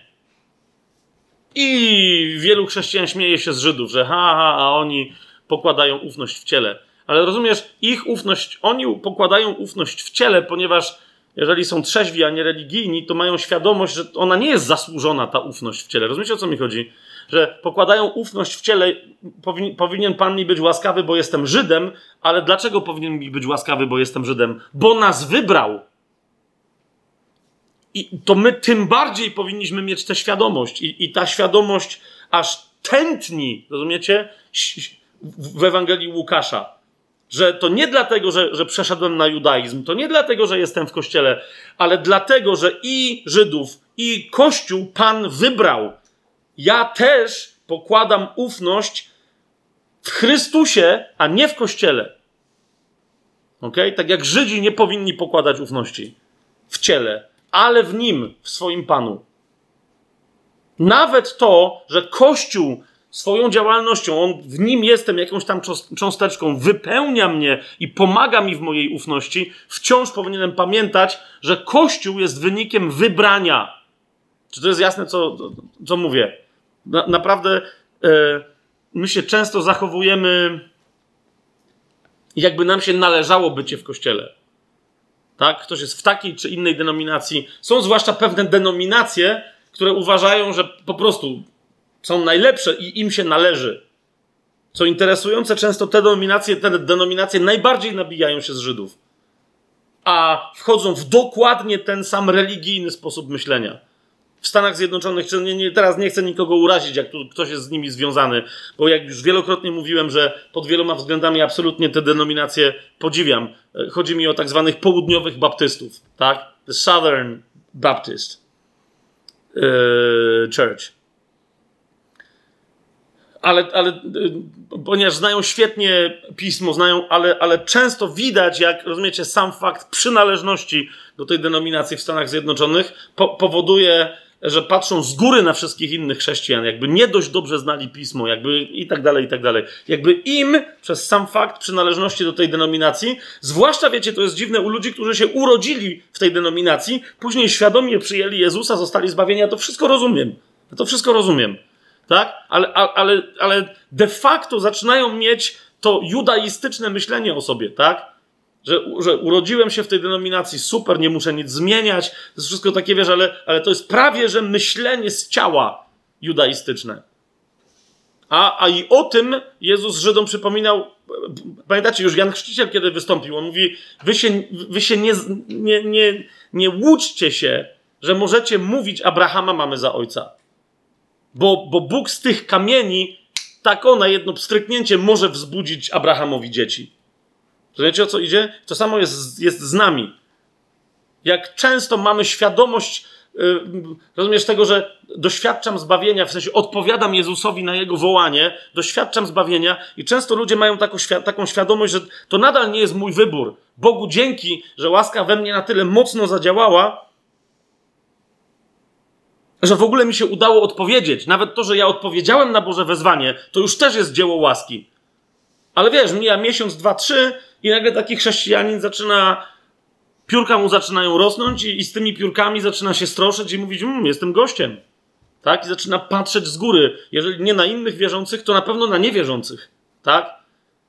Nie ma się czym szczycić. pamiętaj, zawsze pamiętaj o swoim wybraniu. I teraz Y, ta, ta świadomość, naprawdę, życie tą świadomością tętni aż w Ewangelii Łukasza, tak? Łukasz mówi, jest nadzieja dla wszystkich pogan, jest nadzieja dla wszystkich Żydów. Z którejkolwiek perspektywy on w tej swojej Ewangelii nie przemawia cały czas, mówi o tej nadziei, ale jednocześnie, ale jednocześnie mówi, to jest dzieło Ducha Świętego i dlatego tak wielu, całkiem słusznie, będziemy o tym mówić następnym razem więcej, nazywa Ewangelię Łukasza Ewangelią Ducha Świętego. To, to, to wiecie, to, to, to wybranie, które, które w Chrystusie powoduje, że wszyscy jesteśmy nowym stworzeniem i wszystkich nas w godności zrównuje, powoduje na przykład, że, że nikt inny, tylko Łukasz mógł opisać tak precyzyjnie człowieczeństwo Jezusa, a jednocześnie bóstwo Rozumiecie, nikt nie widział tak dobrze w Chrystusie człowieka jak Łukasz. On jeden na przykład opisuje to, to że on się pocił krwią. Wiecie, tak dokładnie, że się pocił krwią w, w, w ogrodzie Getsemani. I jednocześnie nikt tak dobrze jak Łukasz nie, nie, nie pokazuje, jak on był miłosierny, nie czyniąc różnicy. W tej Ewangelii zwłaszcza to widać, gdy, gdy idzie o relację Jezusa do kobiet. Żadna inna Ewangelia nie opisuje z takim, powiedziałbym, rozmachem interakcji Jezusa z kobietami. Żadna inna Ewangelia, tylko ta. Rozumiecie, to jest, to jest cały czas to. Myślisz sobie, że jesteś mężczyzną, to to coś, to coś zmienia. Myślisz sobie, że jesteś kobietą i to coś zmienia, że bycie tym jest lepsze albo gorsze, albo coś nie. Rozumiesz, wręcz y, być może, że na następny raz to policzę, bo teraz sobie tego nie, nie policzyłem, ale wcale bym się nie zdziwił, gdyby się okazało, że interakcji stricte z mężczyznami jest tyle samo, albo nawet mniej niż interakcji z kobietami w Ewangelii Łukasza. Sensacja. Więc, więc, więc jeszcze raz, widzicie, to wynika z czego? Z tego, z tego zdumiewającego w Łukaszu połączenia, po pierwsze, pokory, że ja nie jestem naocznym świadkiem, po drugie, pokory, że ufam komuś, kto też w zasadzie nie jest naocznym świadkiem, jest nauczycielem, apostołem takim jak Paweł, ale z drugiej strony jest, ponieważ to jemu się pojawił Pan Jezus pod Damaszkiem i on go widział i on z nim rozmawia i dalej, nie tylko rozmawiał, ale dalej rozmawia, tak? Więc rozumiesz, to jest pokora uznania przywództwa duchowego, nie jakiegoś funkcyjnego w kościele, tylko duchowego w kimś, kto rzeczywiście reprezentuje realne doświadczenie poznania Jezusa i naśladowania go, ekstremalnego, tak? Przed wszystkim innym i przed wszystkimi innymi. To jest Łukasz. Pokora w przyjęciu innej perspektywy niż moja, tak? Jestem Grekiem. On mówi, ale fascynuje mnie, co to znaczy być Żydem. Teraz dla tych wszystkich chrześcijan, którzy dzisiaj fascynują się, co to znaczy być Żydem, on mówi, fascynujące jest być Żydem, ale jednocześnie jestem Grekiem. Nie, nie, nie, stracę tej tożsamości. Wiecie o co mi chodzi? Nie będę teraz udawał, chociaż widzicie, on by mógł całą Ewangelię napisać w slangu kojne żydowskim, tak? To on mówi, nie. Kiedy, piszę o, w imieniu ludzi, którzy mi zdawali świadectwo, żyjąc w tym duchu, to piszę ich językiem. Ale dlaczego zaraz mam udawać, że nie mam swojego? Dlaczego mam udawać, to byłaby fałszywa pokora, że nie potrafię pisać fantastyczną Greką? Wiecie o co mi idzie? Jest sam charakter tej Ewangelii, a więc charakter tego człowieka, którym Duch Święty zechciał się posłużyć, już jest dla nas znakiem, ale też jednocześnie jest kluczem do zrozumienia wielu fragmentów, kiedy, kiedy będziemy y, znowu czytać y, Ewangelię Łukasza, bo wiem, że większość z Was nie będzie czytać po raz pierwszy, tylko będzie czytać znowu Ewangelię Łukasza. I bardzo dobrze. Jeszcze raz, tak jak przy Ewangelii Marka, tak tutaj sugeruję Wam, jeżeli to możliwe, E, przed następnym naszym spotkaniem, będzie cały tydzień, przed następnym naszym spotkaniem, jeżeli to możliwe, przeczytajcie całą Ewangelię. Nie wdając się w szczegóły, ale, ale patrząc, wiecie, z, zwłaszcza, że jest to jedno z tych dzieł w Biblii, które chociaż jest chronologiczną historią, a więc nieco odwzorowuje e, no, po prostu historyczne E, czy historycystyczne podejście greckie czy rzymskie, to jednocześnie ma też swój plan duchowy. A nieco więcej o nim e, jeszcze dzisiaj mam nadzieję, że, że zdążę e, to, to powiem, ale chodzi o to, że żeby ten plan zobaczyć, trzeba się nie wdawać w szczegóły poszczególnych historyjek, tylko, tylko, tylko najpierw zobaczyć plan całej historii. Ok?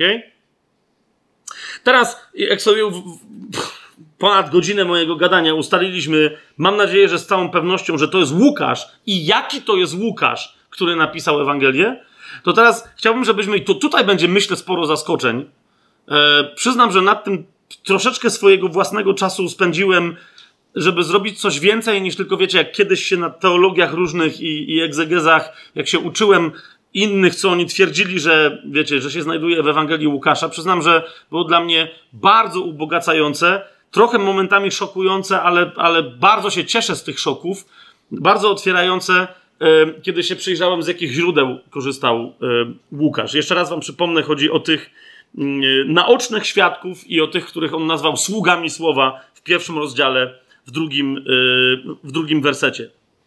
Po pierwsze, gdzie w ogóle mógłby Łukasz bo niektórzy mówią, że no ale jak on wędrował z Pawłem, to Paweł był taki, takim szaleńcem, że jak on leciał, to gdzie on miał niby przeprowadzić jakiś dłuższy wywiad, wiecie, żeby siedzieć i zapisać z jakimś kałamarzem czy z czymś tam, żeby zapisać. E, nie chodzi o mnie o to, że Paweł leciał, tak? Chociaż w dziejach apostolskich widać, że czasem leciał, tak? W dzień coś, w nocy coś, następnego dnia poszli gdzie indziej. Potem statek i tak dalej, i tak dalej. Otóż, yy, według mnie, jak sobie otworzymy dzieje apostolskie, 21 e, rozdział. E,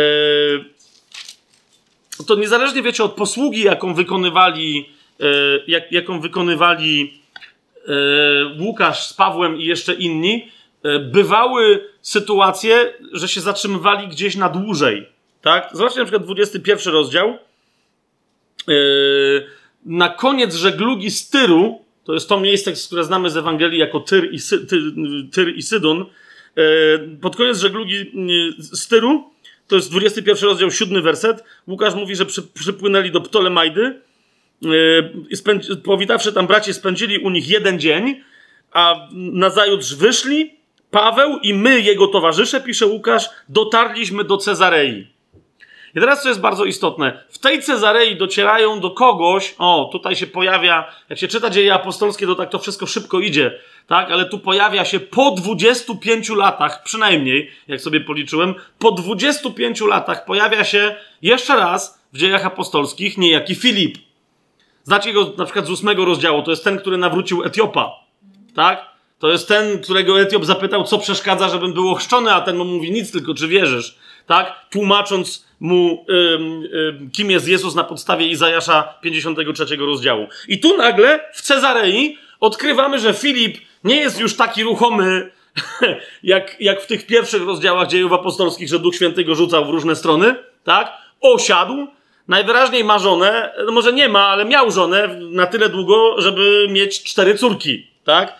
Więc, więc ósmy werset mówi, że weszliśmy, czyli na pewno Paweł i na pewno Łukasz, pozostali towarzysze, weszliśmy do domu Filipa Ewangelisty, który był jednym z siedmiu i zatrzymaliśmy się u niego.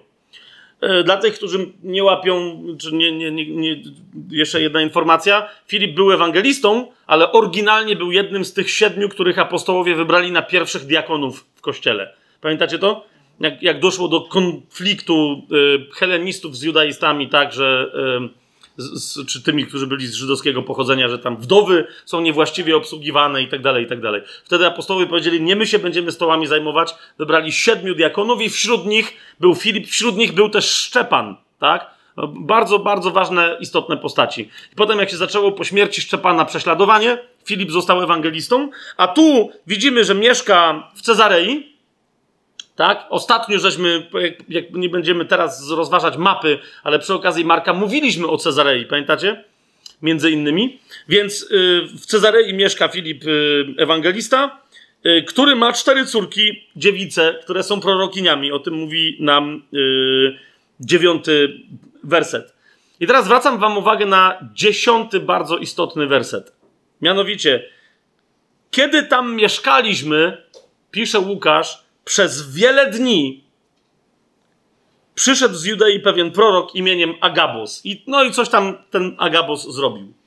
Jak zobaczycie w innych miejscach dziejów apostolskich, jeżeli Łukasz pisze wiele dni, to mam e, na myśli przynajmniej parę tygodni. Tak? W innym miejscu, na przykład e, e, referując, co głosi Paweł, twierdzi, że Paweł powiedział, że Jezus ukazywał się swoim apostołom przez wiele dni no to wiemy, że to było 40 dni, a w takim razie jasna sytuacja, jeżeli mówi wiele dni, no to ma na myśli przynajmniej 40 dni, tak?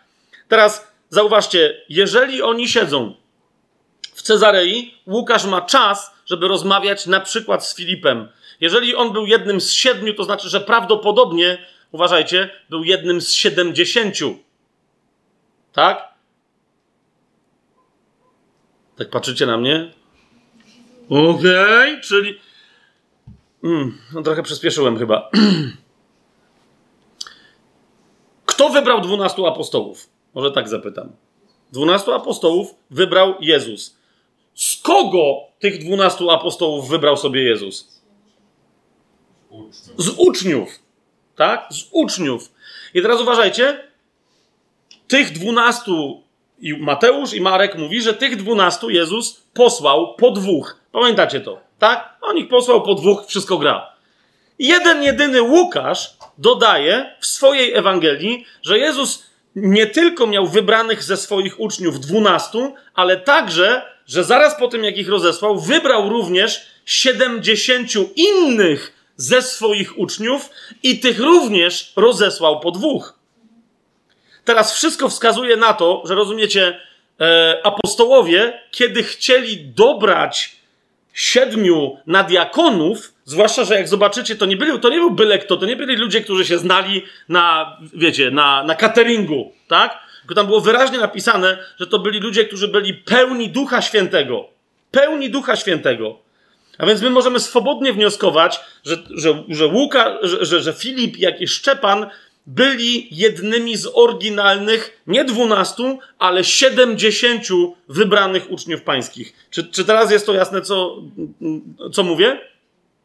Teraz skąd taka myśl? No bo tylko Łukasz o tych siedemdziesięciu pisze. Gdzie on ich mógł poznać? Jak sądzę, e, Filip, ewangelista, jest jednym z nich. Ale, mm, ale zwróćcie uwagę ze mną na coś, co się dzieje dalej. ok? Mianowicie w tym 21 e, rozdziale, zobaczcie na 16 werset. W momencie, kiedy przyszedł Agabus, Paweł mówi: Dobra, idziemy do Jerozolimy, tak? I teraz patrzcie, co jest napisane w 16 wersecie. Szli z nami niektórzy uczniowie z Cezarei, i to byli, wiecie, uczniowie, prawdopodobnie, którzy się nawrócili w wyniku głoszenia Filipa, czy Pawła, czy kogoś. Tam to byli normalni uczniowie, tacy, tacy sami jak, jak Tymoteusz, Łukasz i tak dalej. Ale zobaczcie, co tam jest napisane. Szli z nami niektórzy uczniowie z Cezarei, prowadząc niejakiego Mnazona Cypryjczyka, starego ucznia, u którego mieliśmy się zatrzymać. Wow!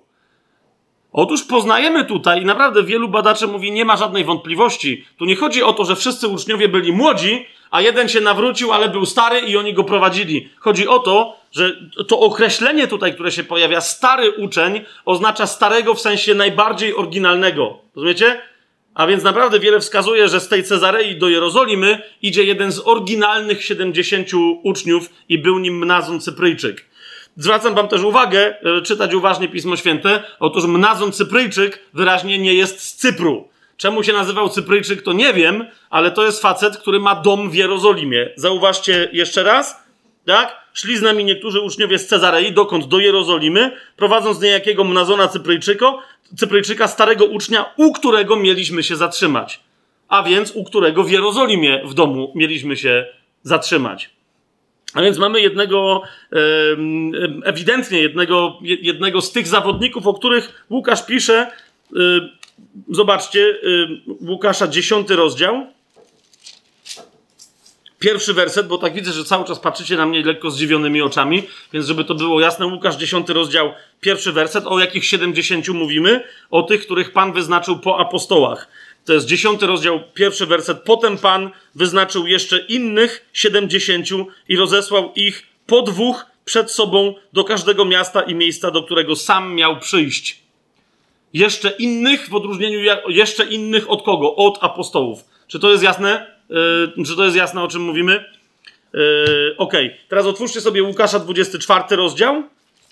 Do tych uczniów należał na przykład Kleofas, i jeszcze jakiś inny, do których prawdopodobnie Łukasz też dotarł. Rozumiecie?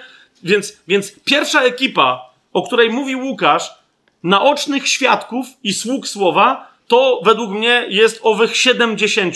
Tylko Łukasz o nich mówi. Widzicie, tak? Tylko Łukasz wspomina takiego Nazona Cypryjczyka, tylko Łukasz wspomina na przykład w, w 24 rozdziale, zobaczcie, 13 werset, E, dwóch z tych uczniów, którzy nie są apostołami, bo wszyscy apostołowie zostają w Jerozolimie, tak? A Łukasz mówi, tego samego dnia, to jest 24 rozdział, 13 werset, tego samego dnia dwaj z nich, no ale kto, z apostołów? Nie. A więc pewnie z pozostałych uczniów, którzy należeli do owych 70, których Pan też wybrał, tak? Tego samego dnia dwaj z nich szli do wioski zwanej Emaus, która była oddalona o 60 stadiów od Jerozolimy. I w osiemnastym wersecie dowiadujemy się, że jeden z tych dwóch, osiemnasty werset, to był Kleofas, a jeden z nich, któremu było na imię Kleofas, odpowiedział, czy jesteś tylko przechodnim w Jerozolimie i tak dalej, i tak dalej. A więc widzicie, Łukasz według mnie dotarł do uczniów w Cezarei, dotarł do tych oryginalnych, nie tylko apostołów, o tych za chwilę, ale do pozostałych uczniów Pana Jezusa, tych, których on sam wybrał, z tych, z owych siedemdziesięciu, dotarł do nich w Cezarei, dotarł do nich mm, w Jerozolimie i być może jeszcze w innych miejscach, kiedy Paweł swoje biznesy, mm, brzydko mówiąc, załatwiał e, w tym, co dzisiaj się nazywa Palestyną, e, Łukasz prawdopodobnie korzystał z tego czasu, żeby dotrzeć do tamtych świadków. Co więcej, myślę, że i, i Paweł, i inni, yy, na przykład Jan, o nim za chwilę, czy Piotr, przekazali Łukaszowi informację. Jeżeli chcesz sprawdzić, dowiedzieć się czegoś od innych świadków, w takim razie idź do tego, idź do tamtego, ten mieszka tutaj, a tamten mieszka tam. Zwłaszcza, że kochani, E, dzieje apostolskie mówią nam, że nawet jeżeli to było tylko 40 czy 50 dni, kiedy na początku Łukasz, e, towarzysząc Pawłowi w, w Cezarei, zamieszkiwał, później miał znacznie więcej czasu, ponad dwa lata, nadal pozostając w Cezarei, a więc pozostając w Palestynie, żeby prowadzić dalej swoje badania. Zobaczcie 23 rozdział yy, Dziejów Apostolskich, 23 werset. Tam jest sytuacja, kiedy, kiedy Paweł już jest uwięziony i kiedy e, po tych rozruchach w Jerozolimie, jeszcze raz, kto nie czytał dziejów apostolskich, to tam, jak dojdziemy do dziejów, będziemy o tym więcej opowiadać. Ale Paweł już jest uwięziony, zgłosił, że on nie chce stawać przed Sanhedrynem, ale, ale że chce odpowiadać przed cesarzem. I więc jest wyprowadzony z Jerozolimy. I teraz zobaczcie 23 rozdział 33 werset. Mówią o tym, że, że Paweł wyruszył, został przeniesiony do Cezarei. Tamci przyjechali do Cezarei, oddali list namiestnikowi i stawili przed nim, yy, i stawili przed nim Pawła. Tak? W 26 wersecie tego samego, tego samego rozdziału yy, czytamy, że, że ten list, zauważcie, jest wystosowany, yy, to jest 26 werset, przez Klaudiusza Lizjasza, do najdostojniejszego namiestnika Feliksa, któremu tenże Lizjasz przesyła pozdrowienia. A więc wiemy, że tym, który w Cezarei odbiera Pawła, jest Feliks. Widzicie to? I teraz, I teraz zauważcie. Paweł zostaje w Cezarei pod zarządem tego namiestnika. Jak długo? Otwórzcie sobie 24 e, rozdział, 27 werset. Zauważcie, od momentu, kiedy Paweł tam dociera, mijają dwa lata. Skąd o tym wiemy? Bo dochodzi do zmiany. Po dwóch latach następcą Feliksa, tego, do którego pisał Lizjasz, Feliksa, który odebrał Pawła, po dwóch latach następcą Feliksa został Porcjusz Festus. Feliks, chcąc sobie zjednać życzliwość Żydów, bowiem zostawił Pawła w więzieniu. A więc widzicie, Paweł siedzi w więzieniu przez dwa lata w Cezarei. Później, kiedy dochodzi do zmiany i pojawia się Feliks, jeszcze trochę to trwa, zanim Paweł nie jest odesłany dalej do, y, do cesarza, do Rzymu. Tak? A więc widzicie, poza tymi pierwszymi paru dziesięcioma dniami, Łukasz ma następnie w Palestynie ponad dwa lata, żeby dotrzeć do tych wszystkich ludzi, którzy cały czas, yy, będąc pierwszymi oryginalnymi yy, yy, uczniami, Jezusa, y, mogą nadal jeszcze mu zaświadczyć i opowiedzieć, co widzieli, co słyszeli i, i co tam się działo. Tak? Sobie otworzymy Łukasza, 24 rozdział.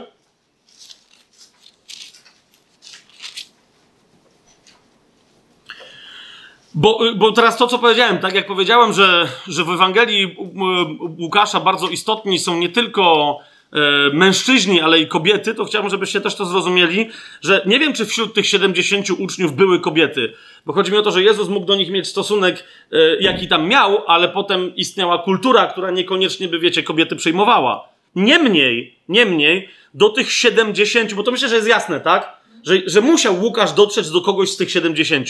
Zwłaszcza, że no sam jeden, jedyny o tych 70 i o ich wyborze pisze. Tylko wam pokazałem, którzy to mogli być. Ale do tych 70 myślę, że Łukasz dotarł i miejcie to w pamięci, czytając Ewangelię Łukasza, yy, skąd Łukasz ma tyle opowieści o kobietach. Prawdopodobnie dotarł także do niektórych kobiet, które były oryginalnie pierwszymi uczennicami Jezusa. Dlaczego? Ponieważ Łukasz jako jedyny tak Y, szczegółowo, na, na, na, ile to można szczegółowością nazwać, rozpisuje się na ich temat. Zobaczcie 24 rozdział, 10 werset. Jak pisze o kobietach, które wróciły y, z grobu, niosąc wiadomość, że, że, że, że Jezusa nie ma w grobie, to mówi, były to Maria Magdalena i Joanna, Maria Jakubowa i inne z nimi, które opowiedziały to apostołom. Rozumiesz, te inne oznacza, że nie jakaś jedna inna, tylko tam jest jeszcze większa grupa kobiet, tak? Yy, któż to jest ta Joanna? Bo niektórzy mówią, o, jakaś Joanna.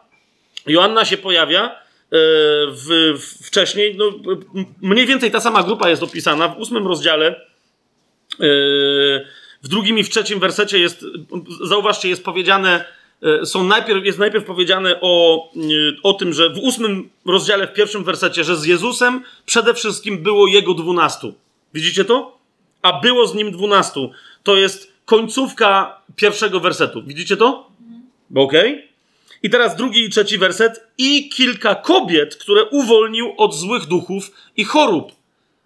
Tak? I teraz mamy wyraźnie powiedziane Maria, zwana Magdaleną, to jest ta sama, która widzicie, potem była, e, wracała od grobu. Maria zwana Magdaleną, z której wyszło siedem demonów. Bardzo ważny szczegół. Skąd go Łukasz akurat zna? Rozumiecie o co mi chodzi? Dalej Joanna, żona Chuzy, zarządcy u Heroda. Zauważcie, kolejne bardzo precyzyjne informacje na temat tej kobiety. Jak później Łukasz w tym 24 rozdziale mówi Joanna, to on zakłada, że no ta Joanna, o której wcześniej mówiłem. Ta sama Joanna, o której mówiłem zaraz po Marii Magdalenie. Marii Magdalenie drugi raz nie będę przedstawiał, Joanny również. Tak? A więc chodzi o Joannę, żonę Chuzy, zarządcy u Heroda, i potem mamy Zuzannę i wiele innych, które służyły im swoimi dobrami. Tak? No, nawiasem mówiąc, zwróćcie uwagę, yy, że, bo niektórzy się czepiają, że jak ja bywa, że mówię, że, że mnóstwo kobiet chodziło za Jezusem i bardzo wiele z nich łożyły na jego służbę, co, co było dosyć, wiecie, sensacyjne w tamtym czasie, że Jezus się na to godził i godził się, żeby to było tak otwarte, żeby wszyscy o tym wiedzieli. Tak? I jak mówię, że było bardzo wiele, że to było mnóstwo kobiet, to wszyscy się rzucają, mówią, że co ty w ogóle tak gadasz? Drugi werset bardzo wyraźnie mówi, że kilka kobiet. Jeszcze raz powtarzam, kilka kobiet, Łukasz, które teraz wam wymienię z imienia i z nazwiska i z, więcej, z większej ilości szczegółów, oraz trzeci werset, wiele innych, które służyły mu swoimi dobrami. Tak? Więc kilka kobiet to kilka, które były najbliższe mu, a wiele to znaczy wiele. Tak? jak zobaczycie, co u Łukasza znaczy wiele, no to po prostu wiele oznacza naprawdę, czasem wiele u, u niego oznacza tłum cały, tak? Bardzo interesująca yy, informacja. I teraz, więc kochani, mamy 70.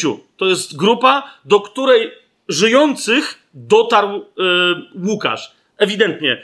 Kobiety, przy, przynajmniej, tak sądzę, to mogła być Maria Magdalena, to mogła być Joanna, rozumiecie, bo ona się u niego tu za, za mocno pojawia. To mogła być Szoszana, zwana z greckiego czy z łaciny Zuzanną, tak?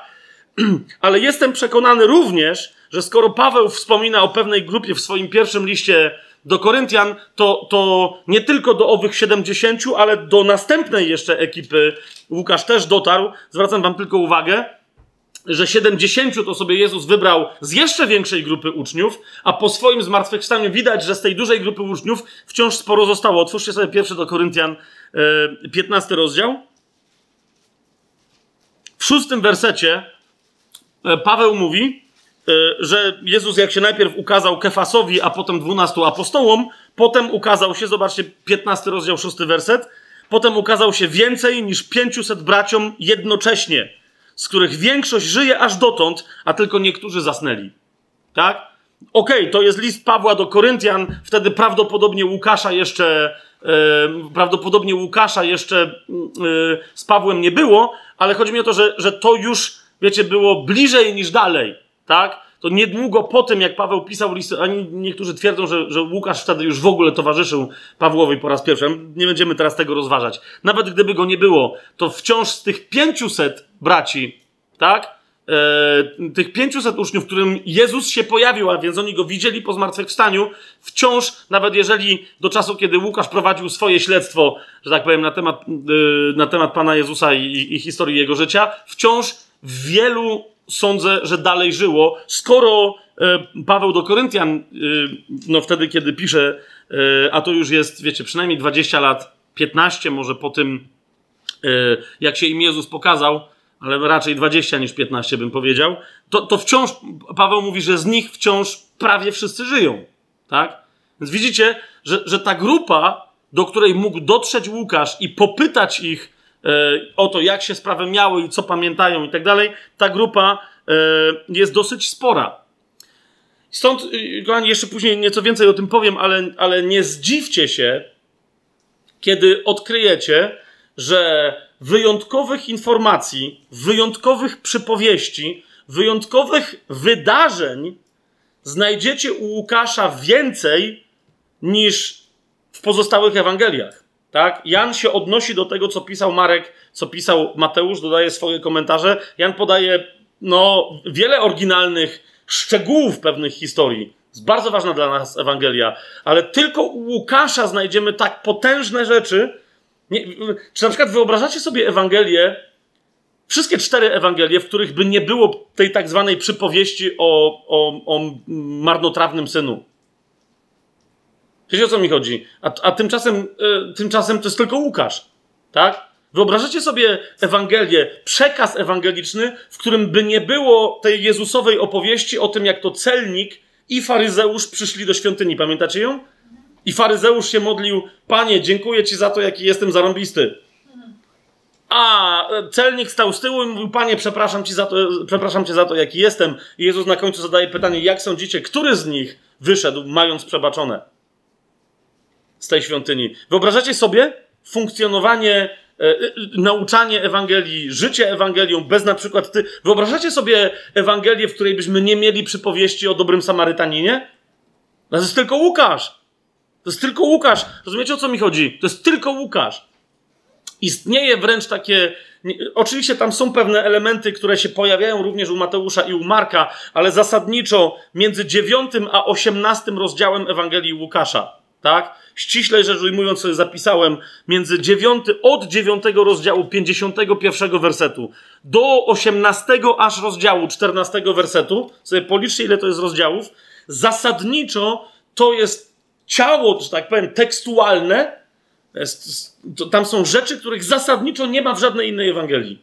Zasadniczo, bo są tam pewne łączniki, ale rozumiecie, w samym tym tylko jednym ciągu jest tyle cech charakterystycznych tylko i wyłącznie dla Łukasza. Skąd on to wiedział? Jeszcze raz, jak sądzę, od owych e, oryginalnych uczniów e, Jezusa, których znalazł, od owych pierwszych oryginalnych, nie wszystkich, ale tych, którzy należeli do 70, tych, którzy należeli do tamtych 500, których, e, których Paweł w swoim nauczaniu przypomina. I teraz bardzo istotne, trzecia rzecz, trzecia grupa, tak? Niewątpliwie Łukasz korzystał ze świadectwa innych apostołów. Kochani, co do tego nie ma żadnych wątpliwości. Jeżeli by się dokopał, tak jak widzimy, że się dokopał i dotarł do tych, którzy byli, wiecie, z 70, z 500, to jakże by nie skorzystał z, z, z, z wieści od tych, którzy należeli do 12? Według mnie jest rzeczą jasną, że, że korzystał na przykład ze świadectwa Jana. Dlaczego? Yy, zobaczcie, z Janowego określenia de facto korzysta w pierwszym rozdziale, w drugim wersecie, kiedy mówi o naocznych świadkach i o sługach słowa. Tak? I mówi, że są tacy, którzy są naocznymi świadkami i są sługami słowa. Powiedzcie mi, czy nie, nie, nie macie, yy, ci, którzy znają pismo, czy nie macie rezonansu z czymś? Otwórzcie sobie pierwszy Jana, pierwszy rozdział, pierwszy i i trzeci werset, bo drugi jest, e, jest pewnego rodzaju wtrąceniem. Jak się przedstawia ewangelista Jan? Jako, jako kto? Co mówi, że kim on jest i pozostali apostołowie? Mówi to, co było od początku, co słyszeliśmy, co widzieliśmy na własne oczy, na co patrzyliśmy i czego dotykały nasze ręce. O słowie życia, to, co widzieliśmy i słyszeliśmy, to wam zwiastujemy. Widzicie to?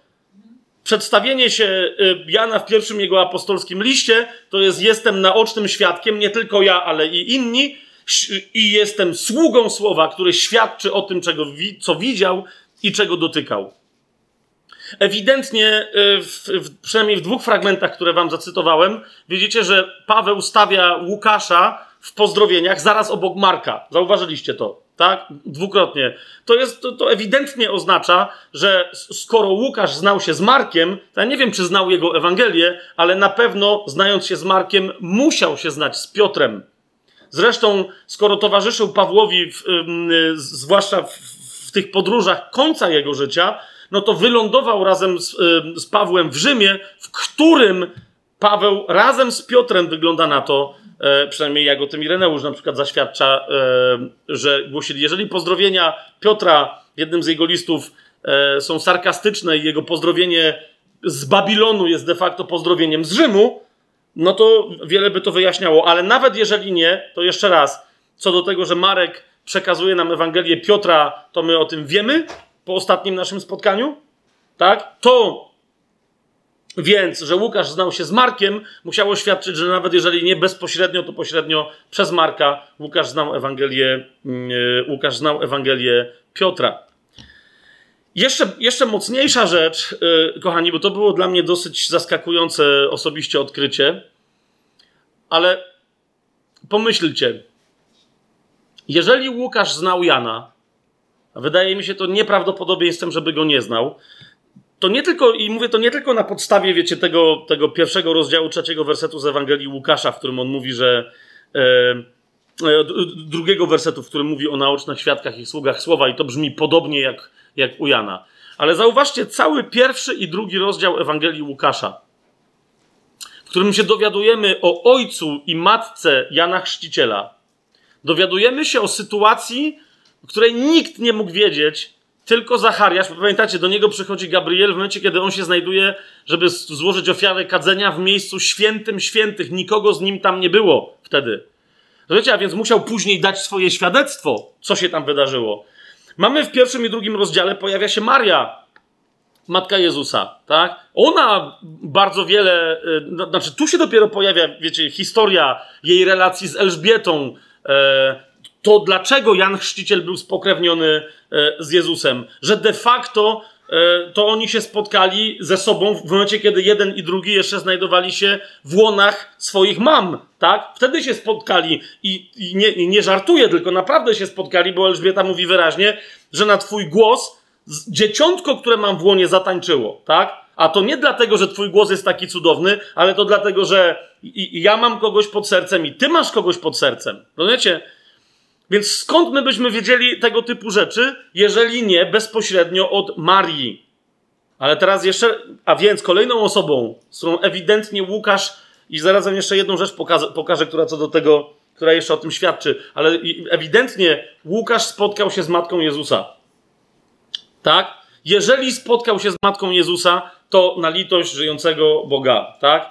Kto czyta pismo, ten wie, że musiał się spotkać z Janem. Dlaczego? Ponieważ Jan na krzyżu w, w, ramach swojej woli dla ludzi, tych, którzy mu byli najbliżsi, oddał swoją matkę w, w, po prostu w prawny sposób Janowi, tak? Jego oddał jej jako syna, a ją oddał jemu jako matkę. Co oznacza, że od tej pory to Jan stał się opiekunem tej kobiety, tak? To, to, to Jan zresztą jest powiedziane, że wziął ją do siebie do domu i od tej pory gdziekolwiek się nie pojawił, tam ona razem z nim mieszkała. Tak? Wiemy, że Jan zaczął wędrować w pewnym momencie i udał się, wygląda na to, że daleko na północ, no, na Patmos już nie sądzę, żeby, wiecie, żeby, żeby z nim, żeby jeszcze Maria wtedy żyła i żeby, żeby tam została też przeniesiona, ponieważ to w ramach prześladowania się wydarzyło. On już więcej w swojej księdze objawienia o Marii nie wspomina, ale ewidentnie E, ewidentnie Łukasz spotkał Marię i z pierwszej ręki wiedział, co się działo, czego wiecie, nikt inny nie badał, Mateusz tego nie badał, Marka to w ogóle nie interesowało. Marka nie ma nawet rodowodu Jezusa, tak? Z jego to w ogóle nie interesowało. Łukasza to bardzo interesowało, co się działo od początku i dotarł do kogoś, kto wiedział, co się działo od początku, dotarł do Marii. Skoro dotarł do niej, to dotarł też do Jana, po prostu i, i stąd te słowa tak podobne jak u Jana w prologu Ewangelii Łukasza. Ale, żeby wam pokazać choćby tylko jeden fragment, otwórzcie sobie drugi rozdział y, Ewangelii Łukasza.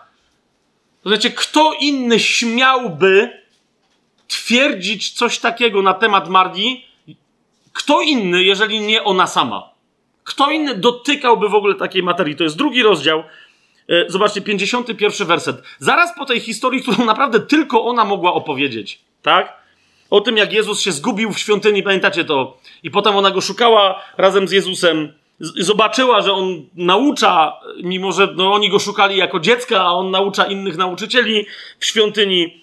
E, w 48 wersecie drugiego rozdziału e, ona powiedziała do niego, tak, powiedziała do niego jego matka, synu, dlaczego nam to zrobiłeś? Wiecie, Znowu, gdyby ktoś wymyślał tę historię na Bliskim Wschodzie, to Józef by się odezwał. Wiecie o co mi chodzi? To po prostu to by się Józef odezwał. Tak? A ona tu mówi o czymś, co było bardzo nietypowe. Ważniejsza dla niej jest prawda niż, niż poprawność polityczna. Tak? Ona mówi, co prawda mąż był ze mną, ale to ja się odezwałam. Tak? To on nic nie, to ja się odezwałam, nie Józef. I, i, więc to tylko od niej może takie świadectwo pochodzić. Powiedziała do niego jego matka: Synu, dlaczego nam to zrobiłeś? Oto twój ojciec i ja z bólem serca szukaliśmy ciebie. Tak? Na co Jezus odpowiada stosunkowo niegrzecznie, ale teraz, no, po, po, czym oni wrócili do, do domu, i teraz zobaczcie 51 werset. Wtedy poszedł z nimi i wrócił do Nazaretu i był im posłuszny.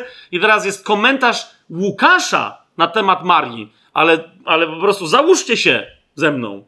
Tak? Kto inny mógł to powiedzieć Łukaszowi? O czym następnie on zaświadcza. Zobaczcie to zdanie. A jego matka, czyli Jezusowa matka, zachowywała wszystkie te słowa w swoim sercu. Powiedz mi, skąd kto miałby to wiedzieć, tak?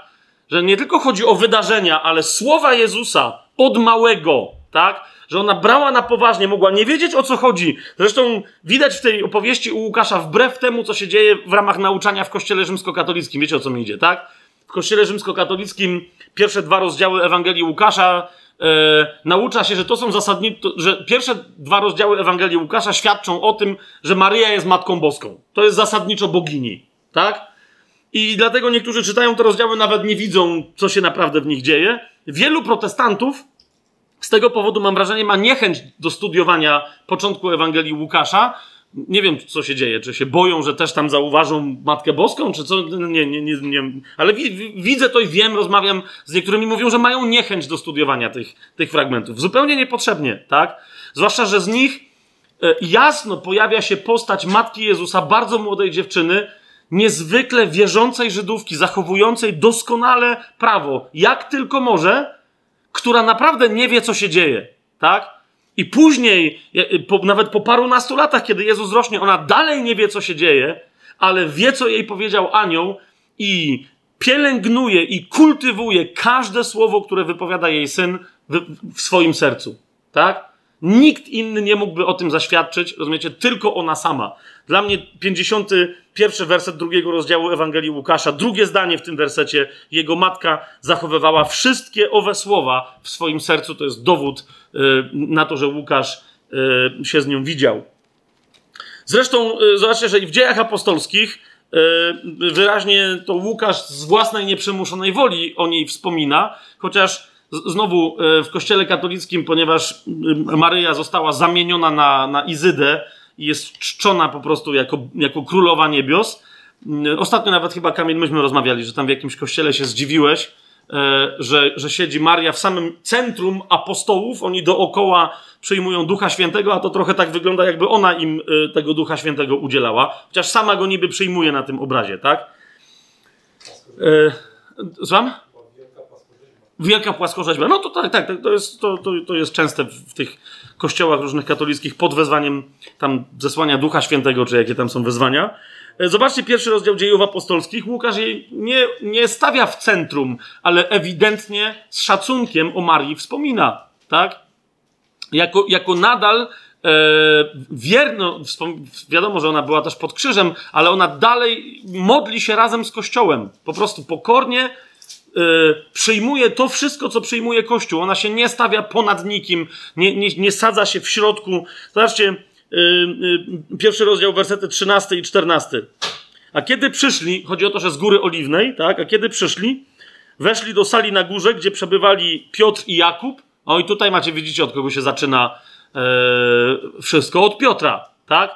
A więc przebywali tam Piotr i Jakub, Jan i Andrzej, Filip i Tomasz, Bartłomiej i Mateusz, Jakub, syn Alfeusza i Szymon Zelota oraz Juda, brat Jakuba. Ci wszyscy trwali jednomyślnie w modlitwie i w prośbach razem z kobietami. I tu się dopiero pojawia Maria, ale zauważcie, Łukasz uważa, że w tym miejscu należy to zaznaczyć, że ona tam jest. Razem z kobietami, z Marią, matką Jezusa oraz jego braćmi. Tak? Więc yy, ewidentnie znów, wiecie, pewnie apostołowie o tym pamiętali, ale zrozumcie, tam było 120 osób, tak? Znów myślę, że jest duże prawdopodobieństwo, że Łukasz o tym, że Maria tam była, yy, on się o tym dowiedział od apostołów, od innych, którzy tam byli, od kobiet, które współpracowały z Matką Jezusa, Marii Magdaleny, yy, Joanny, Zuzanny, ale yy, Marii Jakubowej, ale, ale myślę, że ona sama mu też o tym wspomniała, tak? o tym swoim uczestnictwie mm, w dniu zesłania Ducha Świętego.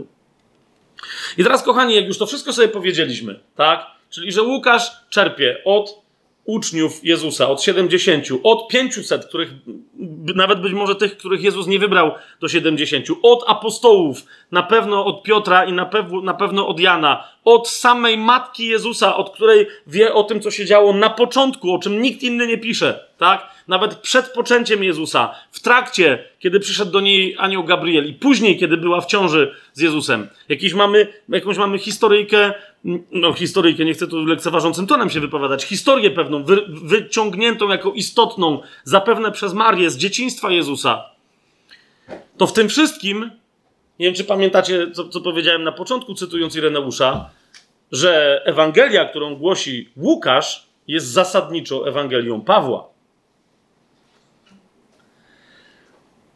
Wiecie, pierwsza, zaraz, zaraz będę chciał udowodnić, że, że jednak, niezależnie od tych wszystkich źródeł, o których mówimy, Ewangelia Łukasza jest Ewangelią w ogromnej mierze Pawła. Tylko, zauważcie, Łukasz jest tym, który pisze. Jak sobie zaraz pokażemy, Paweł jest tym, który mu porządkuje materiał. Pewnie daje mu, mówi, porozmawiaj z tym, porozmawiaj z tamtym, ale wiecie, co to oznacza? Że otrzymujemy niezwykle cenną informację na temat samego Pawła. Okay? Na temat samego Pawła.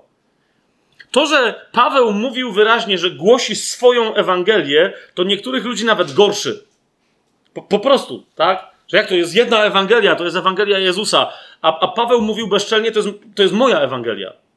To nie, jemu nie chodziło o to, że on głosi jakąś inną Ewangelię, ale mówi, że istnieją pewne cechy charakterystyczne, baza jego Ewangelii, usprawiedliwienie z łaski przez wiarę, nie z uczynków, żeby się nikt nie chlubił, tak? Nauczanie o powrocie, o zmartwychwstaniu Jezusa, o powszechnym zmartwychwstaniu, o konieczności wiary w zmartwychwstanie Jezusa i relacji ze zmartwychwstałym Jezusem, o tym, że Jezus wróci w chwale i co to dla nas oznacza. Są wszystko, wiecie, elementy, we wszystkich listach Pawłowych je znajdziemy. Od pierwszego do Koryntian aż po Hebrajczyków tak? Ale chcę, żebyście na to zwrócili uwagę, jak zaraz powiem o, o Łukaszu, tak? Że widzicie, Paweł naprawdę miał swój przekaz Ewangelii. Tak jak Piotr i zasadniczo Marek w swojej Ewangelii wyraził Piotrowy przekaz Ewangelii, tak Paweł miał swój przekaz Ewangelii, wyjątkowy przekaz Ewangelii, w ramach którego kto wie, czy to wszystko, co przypisaliśmy Łukaszowi, rozumiecie o co mi chodzi, te badania, spotykanie się z tymi wszystkimi ludźmi, z 70, z 500 braćmi i tak dalej, kto wie, czy tak naprawdę nie jest to tylko wtórny, brzydko powiem, research Łukasza po tym researchu, który najpierw oryginalnie dla siebie wykona, wykonał skrupulatny, nawracający się faryzeusz Paweł faryzeusz Szaul, który z czasem dopiero stał się Pawłem. Bo zauważcie, o tych 500, od kogo my wiemy? Od Pawła. To, to, zauważcie, to ja się nim posłużyłem, żeby powiedzieć, że pewnie przez niego Łukasz się z nimi poznał. Najpierw, y, no właśnie, otwórzmy pierwszy do Koryntian, skoro o tym mówiłem. Chcę, żebyście zobaczyli, y, bo nie wiem, czy to wyłapaliście, nie wiem, na ile czytaliście w ogóle Pawłowe listy do tej pory, tak? ale chcę, żebyście zau... parę fragmentów wam pokażę, w których Paweł naprawdę wyraźnie mówi, że ma swoją Ewangelię. Więc mówię, nie, niektórzy się gorszą, że on jest taki pyszałek, no ale nie, no Duch Święty zawarł nam to w piśmie, więc nie jest pyszałek, więc wtedy pada pytanie, to gdzie jest jego Ewangelia? Według mnie jego Ewangelia to jest właśnie Ewangelia Łukasza i zgadzam się pod tym względem z Ireneuszem, że Łukasz po prostu zapisał może coś tam, wiecie, od siebie uporządkował w kolejności chronologicznej, coś tam dodał, z kimś zrobił ekstra wywiad, ale prawdopodobnie to Paweł miał tak skompilowaną Ewangelię. Tak? Zobaczcie najpierw to, że, że, że, że Paweł twierdzi, że ma swoją Ewangelię. To jest 15 rozdział pierwszego listu do Koryntian. Pierwszy i drugi werset. Tak? Z, z, jak później tam Paweł mówi o tych 500, to, to jak zaczyna? Oznajmiam wam, bracia, Ewangelię, którą wam głosiłem, a którą przyjęliście i w której trwacie, przez którą też dostępujecie zbawienia, jeżeli pamiętacie to, co ja wam głosiłem, chyba że uwierzyliście na próżno. Widzicie? On nie mówi, oznajmiam wam, lub też niektórzy tłumaczą, przypominam wam, bracia, Ewangelię, którą wam głosiłem. I później, żeby nie być gołosłownym, rzeczywiście Paweł mówi: Najpierw bowiem przekazałem wam to, co i ja otrzymałem, że Chrystus umarł, i tak dalej, i tak dalej, i tak dalej, tak? Więc on mówi: Istnieje y, Ewangelia taka, jak ja ją głoszę, tak? Zobaczcie list do Rzymian.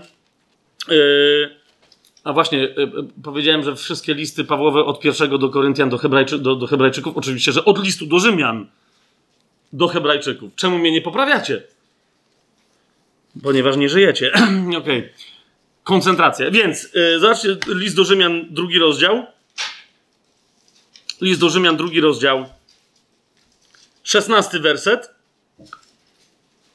Tam Paweł tam o czymś mówi, ale nagle stwierdza w szesnastym wersecie, o, o, mówi o dniu, w którym Bóg przez Jezusa Chrystusa będzie sądził skryte sprawy ludzkie. Zauważcie, według mojej Ewangelii. To mówi wyraźnie, tak? Do Rzymian musiał więc głosić Ewangelię i on mówi według mojej Ewangelii. Przyjdą tacy, którzy powiedzą, że nie słyszeli nigdy o tym, ale moja Ewangelia mówi wyraźnie o tym, że przyjdzie dzień, w którym Bóg przez Jezusa Chrystusa będzie sądził skryte sprawy ludzkie. I zauważcie, zaznacza według mojej Ewangelii. Zobaczcie list do Galacjan. Szybko sobie tam przeskoczmy. List do Galacjan, pierwszy rozdział. Paweł jest tak pewny swojej Ewangelii i mocy objawienia, jakie otrzymał, że mówi coś tak potężnego, przerażającego dla tych, którzy, wiecie, nie znają prawdziwej Ewangelii. To jest pierwszy rozdział, wersety 6 do 9. Paweł y, od razu na wstępie Galacjan ruga i mówi, o czym będzie cały list, tak? Zaczynając bardzo surowo, mówi tak: Dziwię się, że tak szybko dajecie się odwieść od tego, który was powołał ku łasce Chrystusa, do innej Ewangelii Innej od jakiej? Innej od tej, którą ja głosiłem. Ale patrzcie, co dalej mówi. Do innej Ewangelii, która nie jest inną. Są tylko pewni ludzie, którzy was niepokoją i chcą wypaczyć Ewangelię Chrystusa. Lecz choćbyśmy nawet my, albo anioł z nieba, głosił wam Ewangelię inną od tej, którą wam głosiliśmy, niech będzie przeklęty. Widzicie o co chodzi? Ta Ewangelia, którą od nas słyszeliście, jest prawdziwa. I nawet jak my w sensie Paweł i inni współpracownicy, jakbyśmy przyszli i ją zmienili, mówi, to tamta jest prawdziwa i od razu wam to mówię. Nawet jakby nam coś się na mózg rzuciło, tak? I jeszcze dziewiąty werset, jak powiedzieliśmy przedtem, tak i teraz znowu mówię, gdyby wam ktoś głosił Ewangelię inną od tej, którą przyjęliście, w domyśle od nas, niech będzie przeklęty. Zobaczcie pierwszy list do Tesaloniczan. Dwa tylko jeszcze wersety, ale chcę wam pokazać, taki przegląd, żebyście widzieli, że Paweł naprawdę jest świadom swojej Ewangelii. Pierwszy do Tesaloniczan, pierwszy rozdział.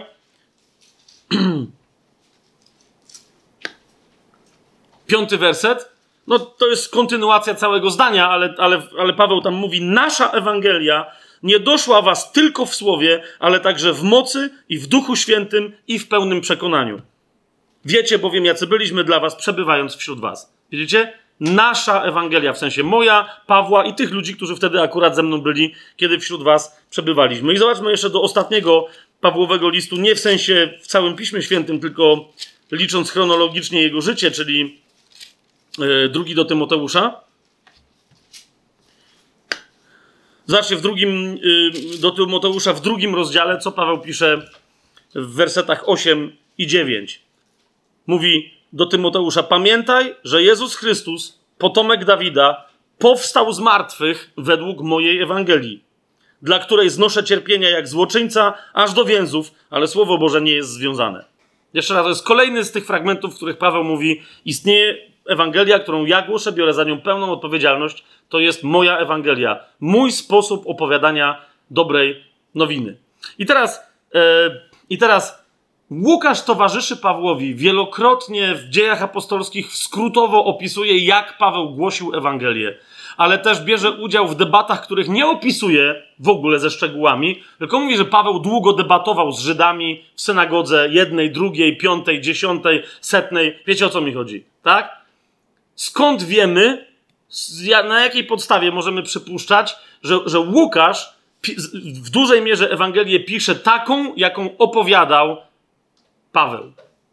Otóż, kochani, po pierwsze, zwłaszcza jak ktoś czyta po grecku, słychać Pawła e, u Łukasza.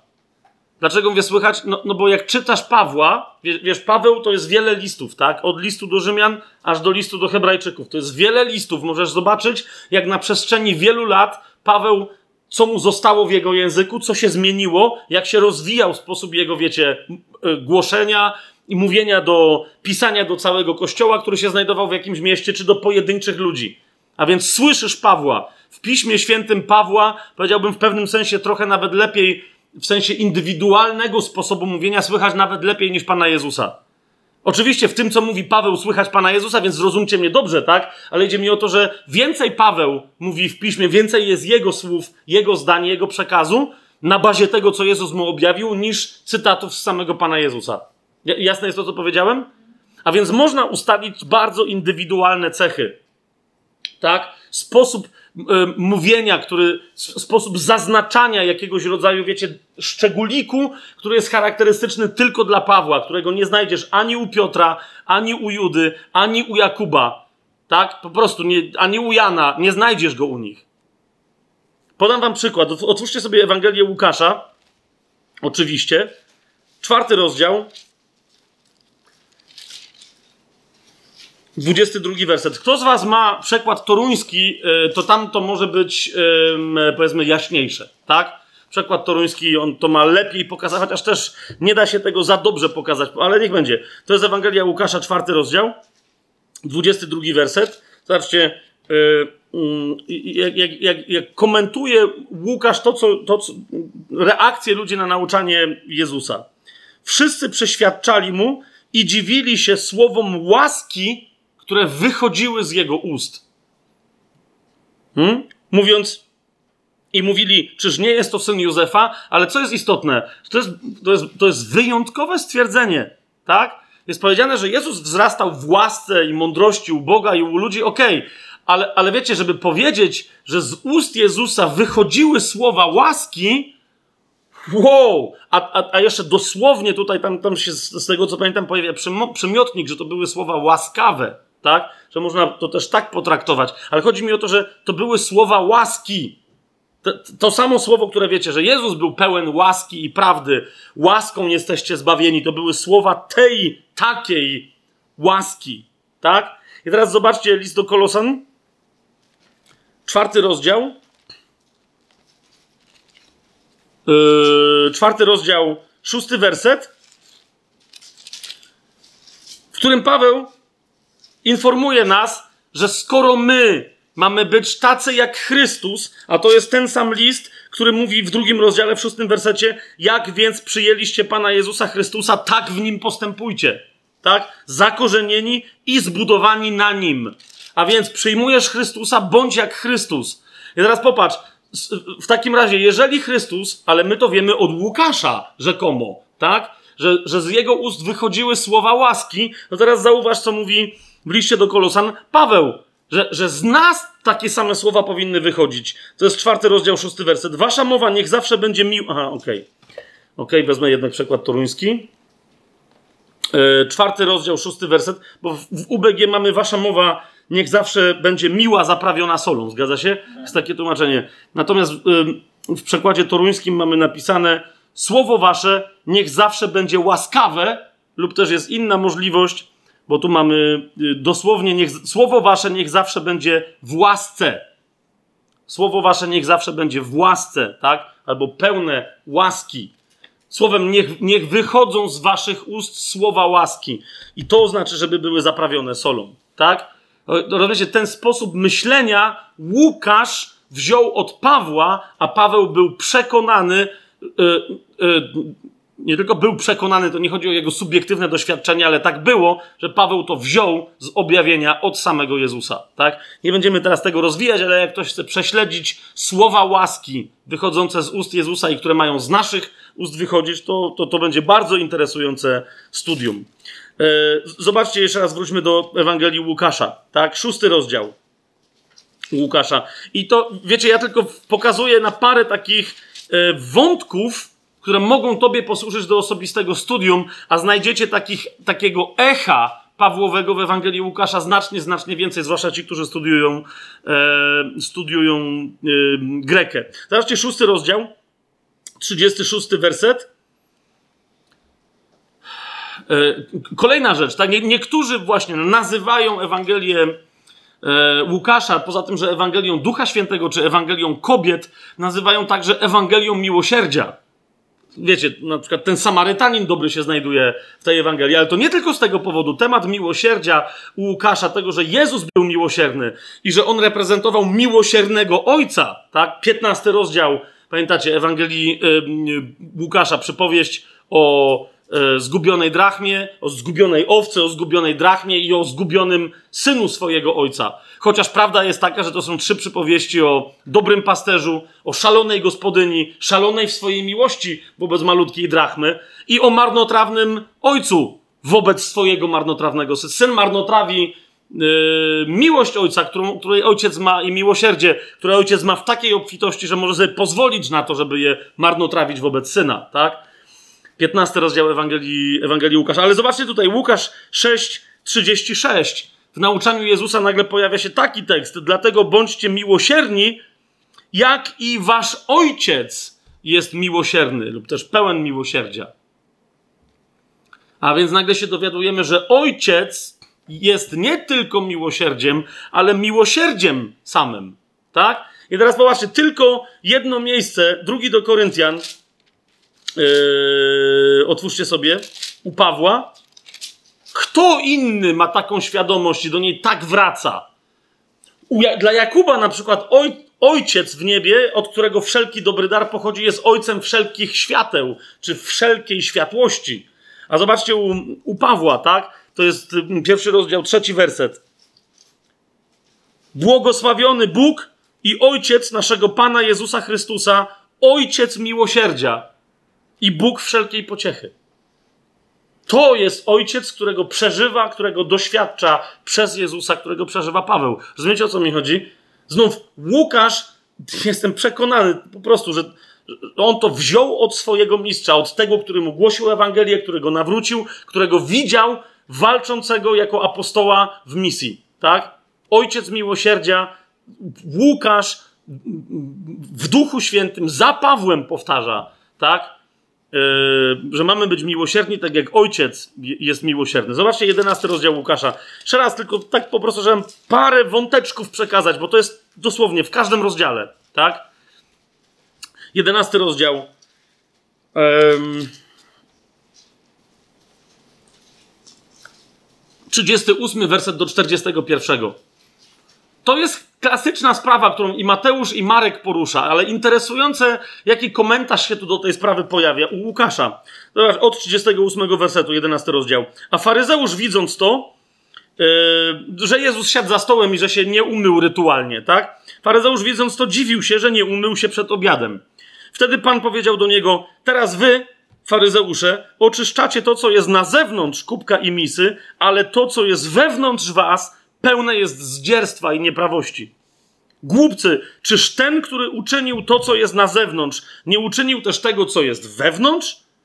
I teraz patrzcie, 41 werset. Raczej z tego, co jest wewnątrz, dawajcie jałmużnę, a wszystko będzie dla was czyste. Po pierwsze, zauważcie, jest wątek miłosierdzia, bo to znaczy dawać jałmużnę. I mówi, dawajcie jałmużnę z tego, co jest wewnątrz.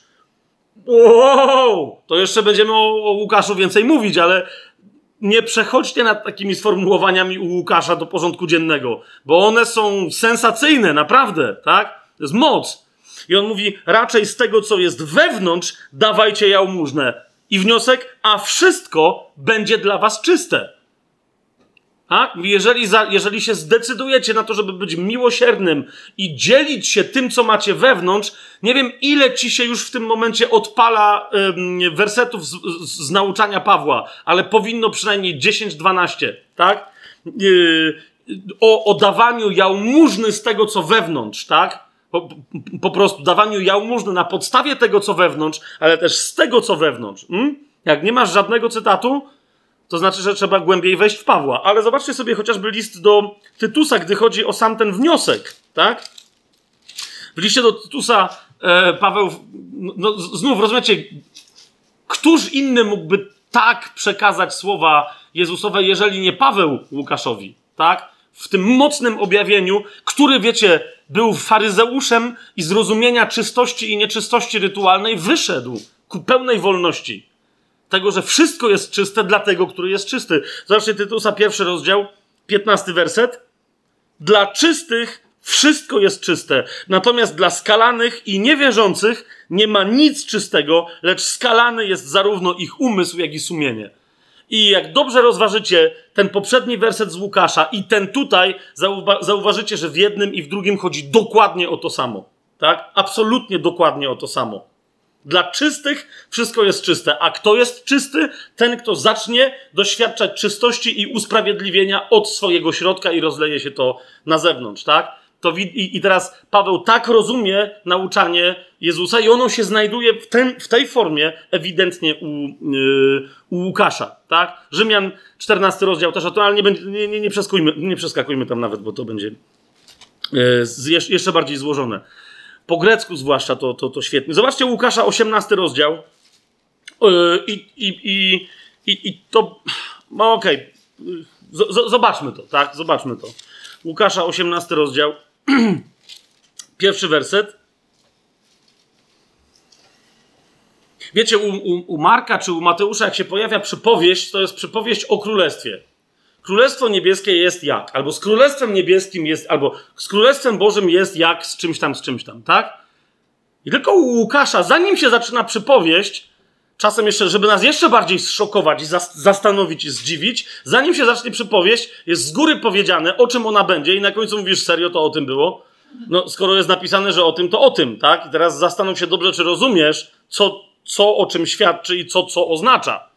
Więc w 18 rozdziale, w pierwszym wersecie jest powiedziane, opowiedział im też przypowieść o tym, że zawsze należy się modlić i nigdy nie ustawać. O tym, że zawsze należy się modlić i nigdy nie ustawać. Jeszcze raz. Niektórzy już kiwają głowami, bo już słyszą Pawła. Rozumiecie, nikt inny później nie naucza na ten temat. O, o, o nieustającej modlitwie i o żadnych okolicznościach, które by nas usprawiedliwiły, żeby przestać się modlić, tak? Zobaczcie chociażby pierwszy list do Tesaloniczan, żeby być takim bardzo, bardzo klasycznym, no ale, tak? Żeby się zawsze modlić i nigdy nie ustawać. Zobaczcie pierwszy do Tesaloniczan, piąty rozdział, szesnasty i siedemnasty werset. Zawsze się radujcie, bez przestanku się módlcie, czy też nieustannie się módlcie, tak? Zawsze się radujcie, nieustannie się módlcie. Jeżeli Paweł to pisze do Tesaloniczan, do jak wielu innych, w jak wielu innych miejscach, oprócz też, bo on im tu też tylko przypomina pewne rzeczy, tak?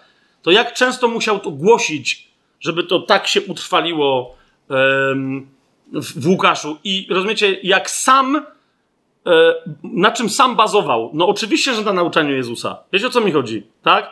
Tu, tu nie mówi, że o, to wynika z nauczania Jezusa, bo pisze do Tesaloniczan, którzy, którzy, którzy sami z siebie jako Kościół wynikają z nauczania Jezusa, tak? Ale oni musieli od niego usłyszeć. Jezus opowiedział przypowieść o tym, jak należy się modlić, tak? Że zawsze należy się modlić i nie ustawać. I jak tam zobaczycie potem te nauczania Jezusa w Ewangelii Łukasza, one też dużo mówią o radości, tak? Jak ona jest, jest fundamentalnym warunkiem. Zobaczcie drugi do Tesaloniczan, do tych, którym mówi zawsze się radujcie, nieustannie się módlcie. Paweł następnie sam siebie daje za przykład. W pierwszym rozdziale, w jedenastym wersecie mówi, dlatego też nieustannie modlimy się za was, aby nasz Bóg uznał was za godnych tego powołania i tak dalej, i tak dalej, i tak dalej. Tak? I wam mówię, nieustannie się módlcie, ale sam się też nieustannie modlę. Po prostu. Zobaczcie 21 rozdział Ewangelii Łukasza. 21 rozdział Ewangelii Łukasza. Yy, 36 werset. Skoro mówimy o, o, o modlitwie, to myślę, że to będzie dobry przykład. Zobaczcie, jak Łukasz przekazuje nauczanie Jezusa. Dlatego czuwajcie, modląc się w każdym czasie, abyście byli godni uniknąć tego wszystkiego, co ma nadejść i stanąć przed Synem Człowieczym. Czuwajcie, módlcie się w każdym czasie. To jest cały czas to nieustające modlenie się, ale w każdym czasie, tak? Żeby uniknąć ucisku i żeby móc stanąć przed Synem Człowieczym. Jeżeli ktoś się nie modli nieustannie, w ogóle nie łapie tej koncepcji, może się okazać, że go minie pochwycenie, mówiąc, wiecie, yy, skrótowo, i przeskakując w ramach tej teologii, ale do czego innego by tutaj Pan Jezus nawiązywał? Czy, czy Łukasz, cytując Pana Jezusa? Czuwajcie, modląc się w każdym czasie, abyście byli godni uniknąć tego wszystkiego, co ma nadejść, bo to jest 21 rozdział Ewangelii Łukasza to jest odpowiednik 24 rozdziału Ewangelii Mateusza, chociaż nie z tej samej perspektywy mówi, ale to jest odpowiednik, tak? Czyli tu Jezus mówi o końcu czasów. Także o upadku Jerozolimy, ale to, to nie jest temat na dzisiaj. I teraz porównajcie sobie to na przykład z listem do Efezjan, z szóstym rozdziałem, no bo z, no bo z którym? Z listem do Efezjan, z szóstym rozdziałem, jak tam po całej opowieści na temat, yy, na temat zbroi Bożej, zauważcie, to Paweł się posługuje, odwołuje się do tej samej koncepcji.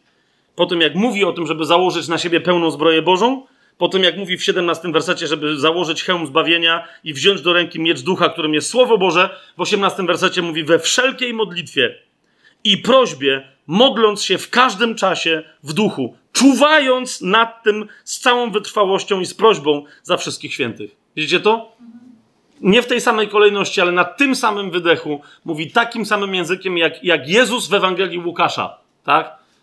Od kogo się nauczył tego Jezusowego języka Łukasz? Tak? Od Ducha Świętego, ale ewidentnie, ewidentnie, mm, e, ewidentnie przez Pawła. Jeszcze jedna rzecz i pokażę wam dla mnie osobiście najbardziej wzruszający e, w tym wszystkim moment, ale jeszcze jedna rzecz. Zobaczcie Łukasza 24 rozdział. To jest ostatni rozdział w tej Ewangelii. Tylko wam pokazuje, że naprawdę w każdym miejscu tej Ewangelii są te, tego typu wątki, tak? Zobaczcie 24 rozdział, 46 werset. Łukasz mówi o Jezusie, że on w 45 wersecie otworzył umysły apostołów, tych uczniów, z którymi się spotkał po swoim zmartwychwstaniu, żeby rozumieli pisma. Teraz wiecie, jeżeli w życiu kogokolwiek się to stało, to się na pewno stało później tak potężnie, jak chyba w nikim innym, właśnie w Pawle. Zgodzicie się ze mną, tak? Piotr o tym świadczy. Wiecie, Piotr był jednym z tych, których umysł się otworzył, także zaczął rozumieć pisma i Piotr rekomenduje wszystkie pisma Pawła, tak? I mówi, że one są trudne, ale tam jest napisana prawda. Po prostu. Niemniej yy, ci, którzy, którym Pan Jezus pierwszym otworzył umysły, tak żeby rozumieli pisma, powiedział im co? Zaraz po tym, jak zaczęli rozumieć pisma, powiedział im: Tak jest napisane. I tak Chrystus musiał cierpieć, a trzeciego dnia zmartwychwstać. A więc oni musieli zrozumieć, co Chrystus musiał wycierpieć, żeby trzeciego dnia zmartwychwstać. I teraz zobaczcie dzieje apostolskie. To już nie, nie się samym listem Pawła, bo to jest oczywiste, w wielu miejscach to jest u Pawła ale Łukasz, świadcząc o tym, jak głosił Paweł, zobaczcie 17 rozdział, trzeci werset. Naj, najprościej rzecz ujmując, Łukasz mówi, że Paweł głosząc, głosił na podstawie pisma, to jest 17 rozdział, drugi werset, rozprawiał z nimi na podstawie pisma, i zobaczcie teraz trzeci werset, wyjaśniając i nauczając, że Chrystus musiał cierpieć i powstać z martwych. Oraz ten Jezus, którego ja wam głoszę, jest Chrystusem. Ale jeszcze raz, rozumiecie, Paweł nie głosił Chrystusa zmartwychwstałego li tylko, ale Chrystusa, który musiał cierpieć, żeby zmartwychwstać. Tak? I, i masz echo tej samej historii, tego samego, yy, tego samego wydarzenia. Niemniej, chcę wam zwrócić uwagę na, bo niektórzy mówią, że okej, okay, no to są echa, rzeczywiście mówi językiem Pawłowym Łukasz, bo z nim wiele przebywa. Wiecie, jak ktoś z kimś wiele przebywa, to zaczyna mówić jego językiem. Chwała Bogu, tak? Ale gdzie tu jest jakiś dowód na to, że, że to jest Ewangelia Pawła? Pierwsza rzecz, na którą chcę Wam zwrócić uwagę, bo to jest zaskakujący dla niektórych wątek. Otóż wyobraźcie sobie, że jeden, jedyny Paweł świadczy o czymś, o czym nawet w skromności swojej, to jest kolejna rzecz, która świadczy o Piotrze, ale w której skrom, o której w skromności swojej nie wspomniał Piotr. Zauważcie, nikt Jan y, nie zajmuje się tym tematem, bo się zajmuje innym, a Mateusz z jakiegoś powodu o tym nie wspomniał. Marek coś tam zasugerował, ale powtarzając Ewangelię Piotra, żaden z nich, nawet ten, który powtarza Ewangelię Piotra, nie wspomina o tym, że pierwszym, któremu się pokazał przed apostołami, któremu z apostołów, któremu się Jezus osobiście pokazał, był Szymon Piotr. Nie wiem, czy to zauważyliście. Ale skąd my to wiemy, że tak było? Wiemy o tym, przed, jeszcze raz, najpierw zobaczcie, żebyście widzieli według mnie właściwą chronologiczną kolejność. Pierwszy list do Koryntian, 15 rozdział, pierwsze wersety, oznajmiam wam, bracia, Ewangelię, którą wam głosiłem. Tak? I teraz zauważcie, co należało do Ewangelii, którą głosił Paweł. trzeci i czwarty werset i piąty. Najpierw bowiem przekazałem wam to, co i ja otrzymałem, że Chrystus umarł za nasze grzechy, zgodnie z Pismem, fundament Ewangelii. Dalej, że został pogrzebany. Dalej, że zmartwychwstał trzeciego dnia, zgodnie z Pismem. Zauważ, to jest Ewangelia Pawłowa, tak? Śmierć, pogrzeb, zmartwychwstanie. Trzy dni. Wszystko zgodnie z Pismem za nasze grzechy. I popatrz, piąty werset. I że ukazał się Kefasowi, a potem dopiero dwunastu.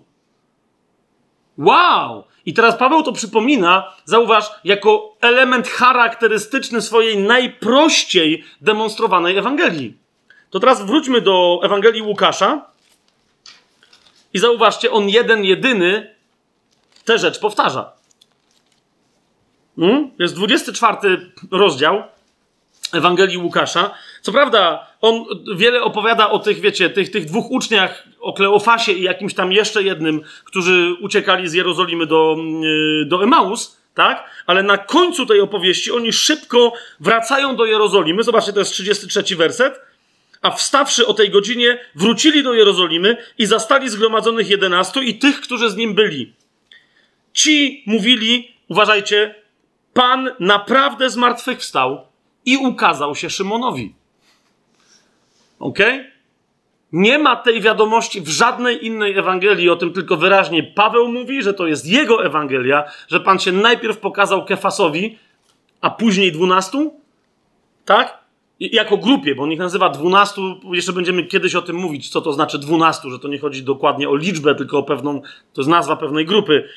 Yy, a, a Łukasz mówi to samo, tak? Że kiedy ci dwaj wrócili do uczniów, oni powiedzieli, że Pan już się ukazał Szymonowi, tak? I zaraz po tym, jak, jak oni im to e, opowiedzieli, zobaczcie 36 werset, a gdy to mówili, sam Jezus stanął pośród nich i powiedział do nich pokój wam.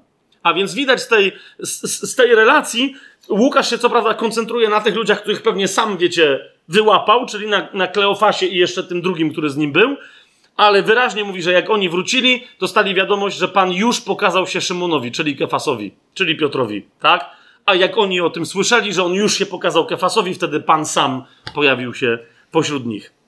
Niemniej, niemniej, kochani, najbardziej dla mnie osobiście wzruszająca rzecz, naprawdę poruszająca, która świadczy o tym, że Ewangelia Łukasza, mimo że Paweł zapewne się bardzo mocno wycofywał, ale po prostu widać, że Łukasz głosi Pawłową Ewangelię, to jest, rozumiecie, to, to jest jedno, jedno to, jest jedno, to jest bijące serce Ewangelii w ogóle, także dla nas, czyli wieczerza. Tak? Chciałbym wam coś pokazać. Otwórzmy sobie Ewangelię Mateusza. Zrobimy sobie krótkie porównanie. Nie, nie, nie w ogóle, nie będziemy dzisiaj mówić o wieczerzy, ale chcę wam na, na coś zwrócić uwagę. Zobaczcie, w Ewangelii Mateusza w 26 rozdziale, zobaczcie, jaki znajdujemy opis, opis wieczerzy. W Ewangelii Mateusza, to jest 26 rozdział.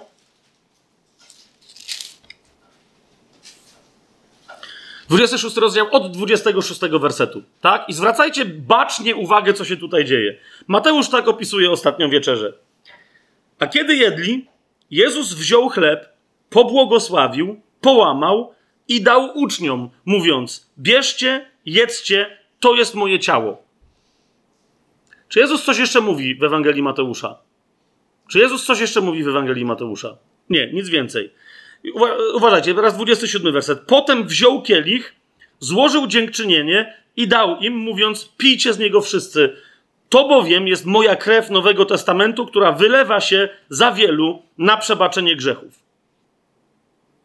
Tyle, tak? Na, na, co zwraca uwagę Jezus w tej relacji Mateusza? Zwraca uwagę na co? 28 werset. To bowiem jest moja krew. To jest moja krew, on mówi. Tak? Widzicie to? Kiedy się to dzieje? No, wygląda z tego opisu, ponieważ jest bardzo nieszczegółowy, że wszystko to dzieje się w czasie wieczerzy. Okej. Okay. Przeskoczmy więc do Ewangelii y, Marka. To jest 14 rozdział. Zwróćcie uwagę na to. Marek jest w dużej mierze zgodny z tym, co mówi. Znaczy, wszyscy są zgodni, tylko co innego akcentują. I na to chcę zwrócić Waszą uwagę. W, w 14 rozdziale y, to jest 20. Mm, y, drugi werset. I następne mamy napisane, a kiedy jedli, Jezus wziął chleb, pobłogosławił, połamał i dał im, mówiąc, jeszcze raz zauważcie, to jest prawie to samo co u Mateusza. Bierzcie, jedzcie, to jest moje ciało. Potem wziął kielich, złożył dziękczynienie i dał im, i pili z niego wszyscy, i powiedział im: To jest moja krew, to jest moja krew, no, to jest moja krew Nowego Testamentu, która się za wielu wylewa. Widzicie to? I to jest zasadniczo tyle. I teraz to jest absolutnie prawda. Ale teraz mamy jednego człowieka, który nie brał udziału w tej ostatniej wieczerzy. To jest kto? To jest Paweł, od którego mm, otrzymujemy znacznie bardziej szczegółowy opis ostatniej wieczerzy. Po co? Po to, żebyśmy wiedzieli, jak sprawować, sprawować, jak my mamy przeżywać łamanie chleba, które nazywamy pamiątką czy też wieczerzą. Tak? Pamiątką wieczerzy.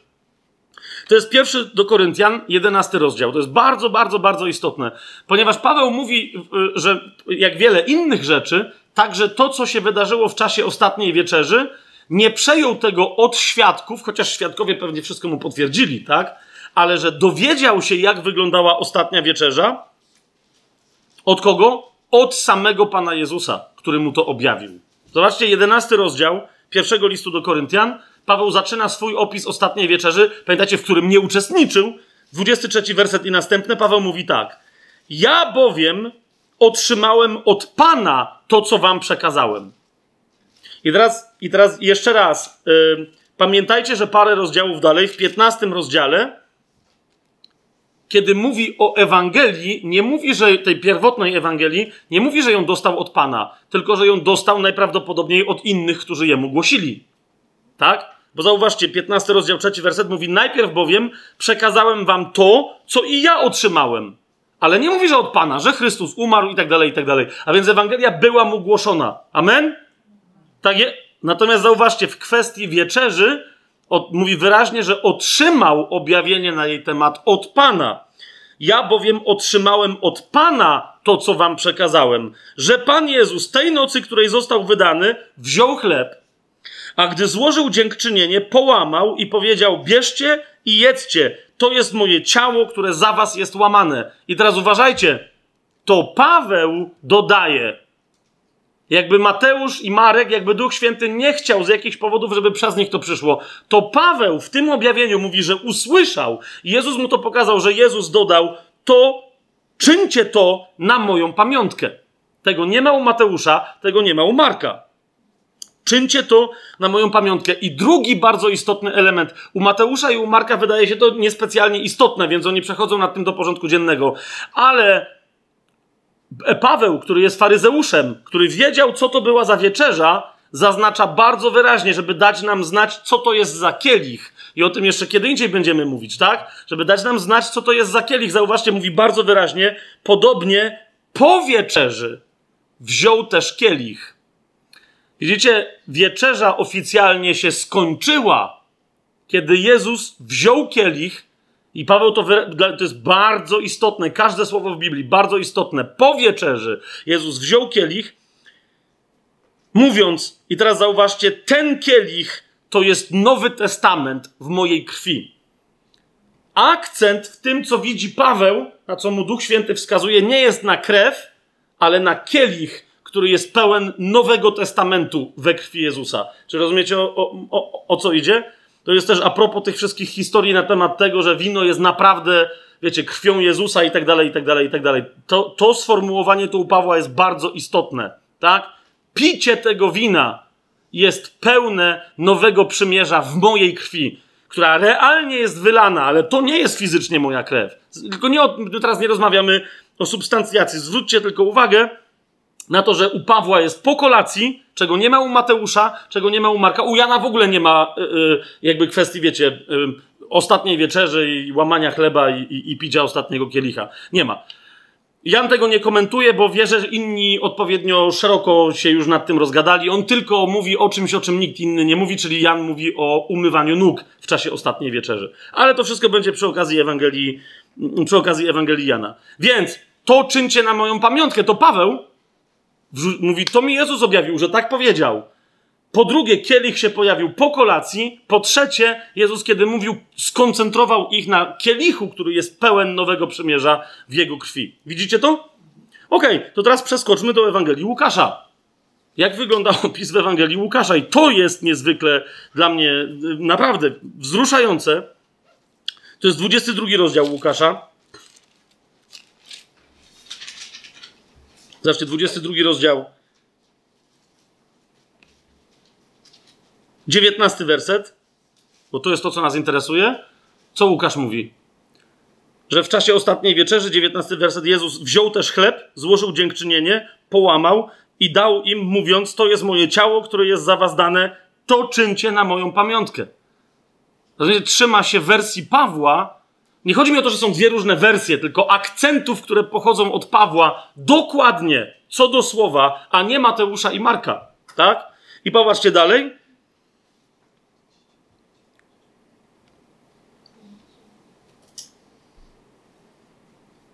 Jak już mamy to 19 werset, tak? 20 werset.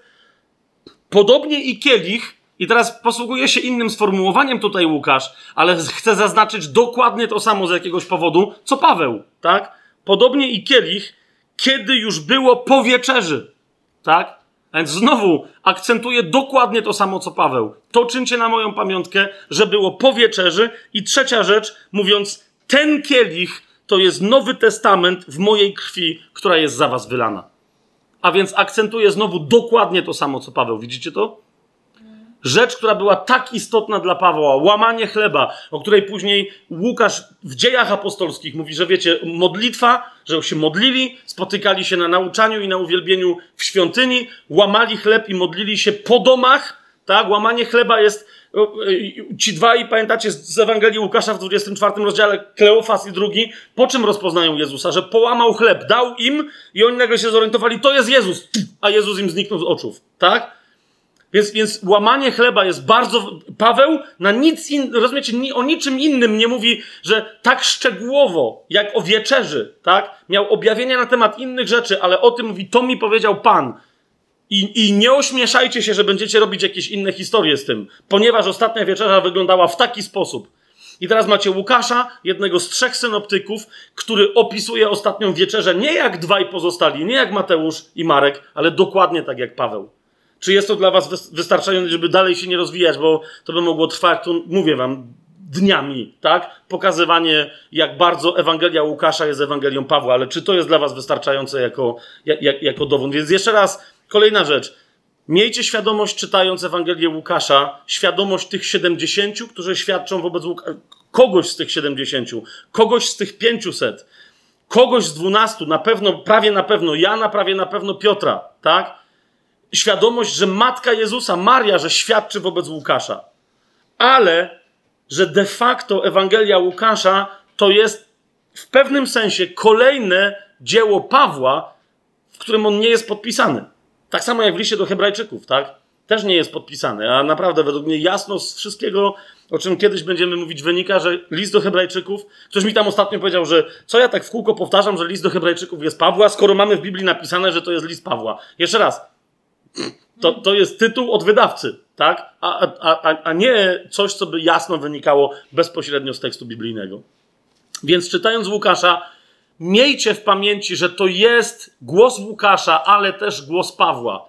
Naprawdę ta Ewangelia, na, wiecie, zwłaszcza jak, bo niektórzy mówią, Piotr był, to jest głupie powiedzenie, ale niektórzy mówią, Piotr, ponieważ był Żydem i był taki trochę judaizujący, trochę hipokrytą w niektórych momentach, co mu Paweł wyrzucał, to Piotr jest taki bardziej katolicki. Dlatego pewnie katolicy później z, z, z, z, następców Piotra rzekomych zrobili papieży, że to wiecie, że to jest. Piotr jest taki katolicki, a Paweł to jest taki protestant, taki surowy, taki tylko pismo święte, żadna tam matka boska. Wiecie, jak nagle zupełnie inaczej się zacznie dziać i słuchać i czytać pismo, w momencie, kiedy będziesz czytać, wiesz, te, to, to, co katolicy nazywają magnifikatem, na przykład Marii, kiedy przestaniesz odrzeć to wszystko, wiesz, tych wszystkich dziwnych, religijnych historii, nagle zdasz sobie sprawę, że całkiem możliwe, że pierwszym, który dotarł do, do tej informacji, jak zareagowała pod wpływem Ducha Świętego Maria, tak, w, w rozmowie z Gabrielem Aniołem, w rozmowie z Elżbietą i tak dalej, że pierwszym, który do tego dotarł, był protestant Paweł. Rozumiecie, który ją znalazł. Ja już nie będę teraz, nie mamy czasu, żebyśmy rozważali, wiecie, co Paweł robił, kiedy, wiecie, zaczął głosić w Damaszku i nie najlepiej się to skończyło. On tam pewnie mówi, że on poszedł i, i, do Jerozolimy, i poszedd do Arabii. Chłop miał naprawdę dużo czasu, żeby pewne rzeczy sobie poukładać, posprawdzać, pospotykać, nawet więcej czasu niż Łukasz, żeby się pospotykać, i, o wiele wcześniej niż Łukasz, żeby się pospotykać z tymi wszystkimi, o których tu dzisiaj mówiliśmy, z których świadectwa wynika Ewangelia Łukasza. Jeszcze raz, jak sobie pomyślisz, że całkiem możliwe, że to przez Pawła do Łukasza, rozumiesz, Maria dotarła i że oni razem, rozumiesz, Paweł, Maria, Jan i Łukasz, obczajacie taką akcję. I oni siedzą, modlą się, wielbią Pana, jak wszyscy wtedy wielbili, na językach, prorokują, łamią się chlebem. Rozumiecie, o co mi chodzi? I, i, w, i w pewnym momencie ona zaczyna im mówić, że a, jak, jak Jezus miał 12 lat, taki to, rozumiesz, Taki to był baciar. I zaczyna opowiadać, no nie? I Łukasz, wiesz, pisze, Paweł tam się coś dopytuje, mówi, ale, bo, bo teraz wiesz, zauważcie te wszystkie pieśni, profetyczne pieśni Symeona, wie, sama pieśń Marii, tak? To rozumiesz, to skąd by Łukasz mógł coś takiego zapamiętać? To musiał być Paweł, rozumiecie o co mi chodzi? To musiałby być Paweł, który mówi, czy na pewno tak powiedziałaś? I Duch Święty ich dotykał, rozumiecie? I to Paweł musiał być kimś, kto lepiej niż Łukasz pamiętał, i to przez niego Łukasz tak dobrze, wiecie, nagle przeskakiwał na, na, tę, na tę żydowską Grekę, tak? Po, po prostu nie, nie, nie znajduję żadnego innego logicznego uzasadnienia tej historii, ale mając to w głowie, rozumiesz, jak nagle się kompletnie nowa i świeża staje lektura Ewangelii Łukasza? A! Wiem, że już się nie możecie doczekać, żebyśmy skończyli i będę czytać całą noc. Ostatnio ktoś to mi powiedział, że nie wiem, nie pamiętam po czym to było, po Marku, że, że wziął i czytał całą noc. Ej, z całym szacunkiem, ale jak się szybko czyta Ewangelię Marka, no właśnie, to może e, nie wnikałem, no nie, ale tak spojrzałem, no jasne, całą noc, no nie? chyba, że chyba, że mu się kimło. Teraz tak, szybciutko, kochani, yy, szybciutko, kochani, kiedy została napisana Ewangelia yy, Łukasza? Nie, będziemy teraz tego rozważać, ale jeżeli dzieje apostolskie kończą się praktycznie tuż przed śmiercią Pawła, czyli on już jest w Rzymie, jest tam uwięziony, głosi, ma wynajęte mieszkanko, nie wcina się, lokal, pomaga kościołowi lokalnemu, czyli Rzymianom, ale jednocześnie nie przejmuje sterów jako starszy czy jako ktoś tam, bo jest uwięziony, to to jest gdzieś między 60, jak będziemy rozważać życie Pawła, to, to, to, to, będą jasne daty, tak? Ale to jest gdzieś mniej więcej, dzieje apostolskie kończą się gdzieś mniej więcej w 62, 64 roku naszej ery, tak? Zatem, y, jeżeli Łukasz, wiecie, pisał i skończył na, gdzieś na tym etapie, to znaczy, że pisał ciut wcześniej, prawdopodobnie między no, no właśnie, do, że jak dotarł do tego, być może, że zaraz po tym Paweł został zabity i on po prostu, wiecie, albo może nie i Paweł po prostu, y, Łukasz skończył dzieje apostolskie, bo jeszcze nie wiedział, co się wydarzyło. Może cudownie Pan myślał, że może cudownie Pan starego Pawła wyprowadzi, czy co, no nie wiadomo, tak? No, kończy w takim miejscu, że nie wiadomo, z niego nie wiadomo, co tam się dalej wydarzyło. Ale skoro Ewangelia Łukasza jest związana, a jest ewidentnie, widać, że to, że w Ewangelii Łukasza jest w zasadzie ten sam język, mamy prawie ten sam język, który się znajduje w dziejach apostolskich, tak? Więc widać, że wiecie, pomiędzy jedną a drugą księgą, z, też z wielu innych względów, nie będę teraz tego rozważać, bo tu mi Weronika sygnalizuje, że zmierzajmy do brzegu. Yy, więc jest wiele takich rzeczy, które wyraźnie wskazują, że nie było dużego odstępu czasowego między napisaniem Ewangelii Łukasza, a dziejami apostolskimi. Wręcz całkiem możliwe, że Łukasz napisał e, dzieje apostolskie zaraz jak skończył dosłownie ostatnie zdanie z Ewangelii, zaczął zaraz pisać dzieje apostolskie. Dlaczego? Ponieważ widzicie, dziś teraz nie będę tego znowu rozważał, tak? Ale ten Teofil w dziejach apostolskich, ten sam, który jest adresatem Ewangelii Łukasza, jest nazwany przez niego, no tu jest tłumaczenie, że jest zacny, ale to jest określenie, które się, tam jest takie greckie określenie, które się pojawia dwukrotnie wobec Feliksa, który jest namiestnikiem e, po prostu rzymskim, cesarskim i, i raz wobec Festusa, tak, których tu dzisiaj nawiasem mówiąc tam przywołaliśmy podczas jednej, e, e podczas jednej historii. Więc jeżeli ten Teofil otrzymuje taki sam tytuł jak dwa razy Felix i raz Festus, to znaczy, że jest najprawdopodobniej wysoko postawionym rzymskim namiestnikiem, albo y, na terenie Sycylii, albo na terenie Półwyspu Apenińskiego, najprawdopodobniej w samym Rzymie. To jest ktoś, kto przyjął chrześcijaństwo, o czym pierwszych cztery, pierwsze cztery wersety Ewangelii Łukasza, jak się tam przyjrzycie, co mówi Łukasz, to pierwsze cztery wersety sugerują, że ty jesteś kimś, kto już przyjął wiarę według słów, które ci były głoszone. A ja ci teraz przedstawiam historię po kolei, żebyś zobaczył, że nie na próżno uwierzyłeś, ale że to wszystko jest prawda. A więc to jest wysoko postawiony namiestnik rzymski najprawdopodobniej, który, e, wiecie, żeby nie zdradzić jego tożsamości, gdyby ktoś przejął e, pisma, jest nazwany Teofilem. Theos, filos, znaczy po prostu miłośnik Boga. Tak? To jest ktoś, kto, kto uwielbia Boga, kto jest jego przyjacielem. Więc, więc, więc to jest do miłośnika Boga, to jest prawdopodobnie pseudonim, żeby właściwego imienia nie zdradzać, ale, ale wiecie, ten, ten zacny, ten naj, przenajszlachetniejszy, yy, przewielebny, tak? go, go, nieco, go nieco zdradza.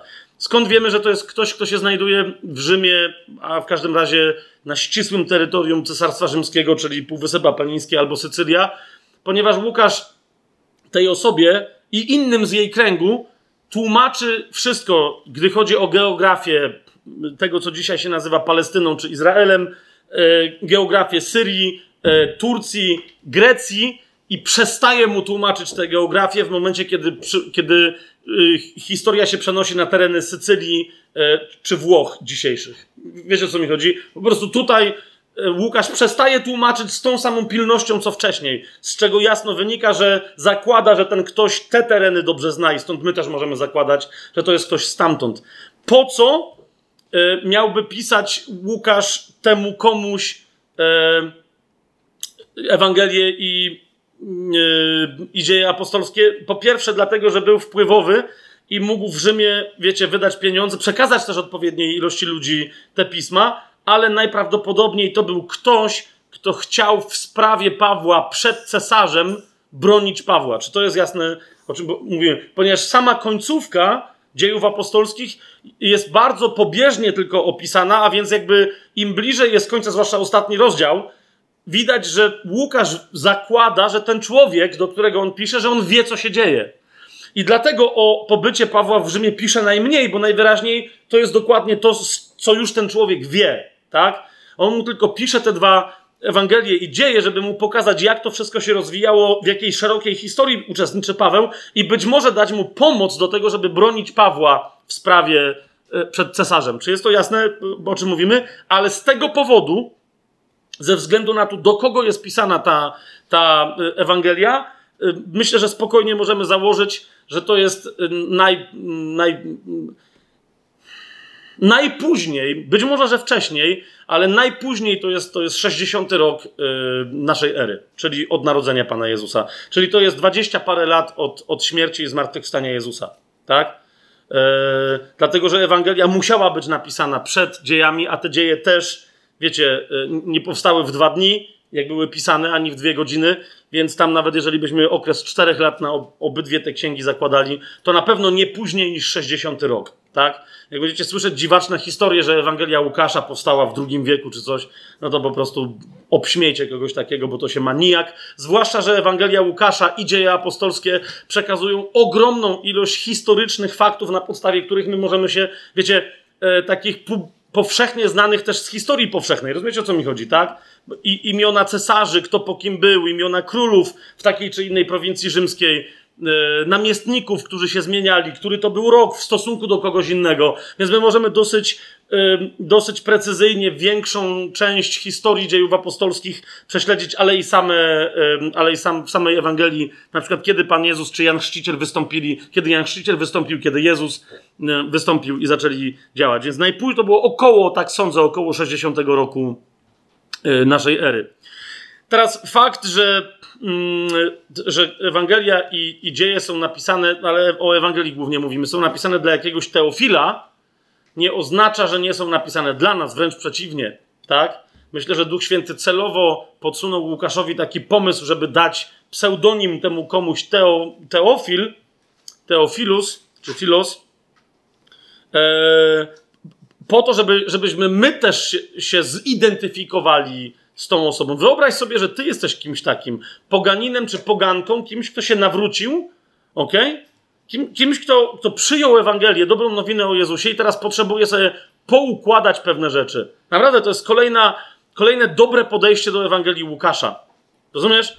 Ym, po prostu przyjąć, że to jest do mnie pisane. To, to, to jest list osobiście od Łukasza, a przez niego od tych wszystkich ludzi, o których tu sobie mówiliśmy, że to jest list osobiście, że to ja jestem Teofilem. Tak? Który potrzebuje sobie uporządkować po pierwsze to, kim był Jezus, co robił, jak to po kolei wszystko wyglądało, kim byli ci wszyscy ludzie, którzy go otaczali, jaka była strategia jego działania, kim byli apostołowie pierwsi jego, kim byli pozostali apostołowie, bo uczniowie wysłani to są też apostołowie, a więc mamy, wiecie, dwunastu apostołów, mamy też Jezusowych siedemdziesięciu de facto apostołów w Ewangelii Łukasza, tak?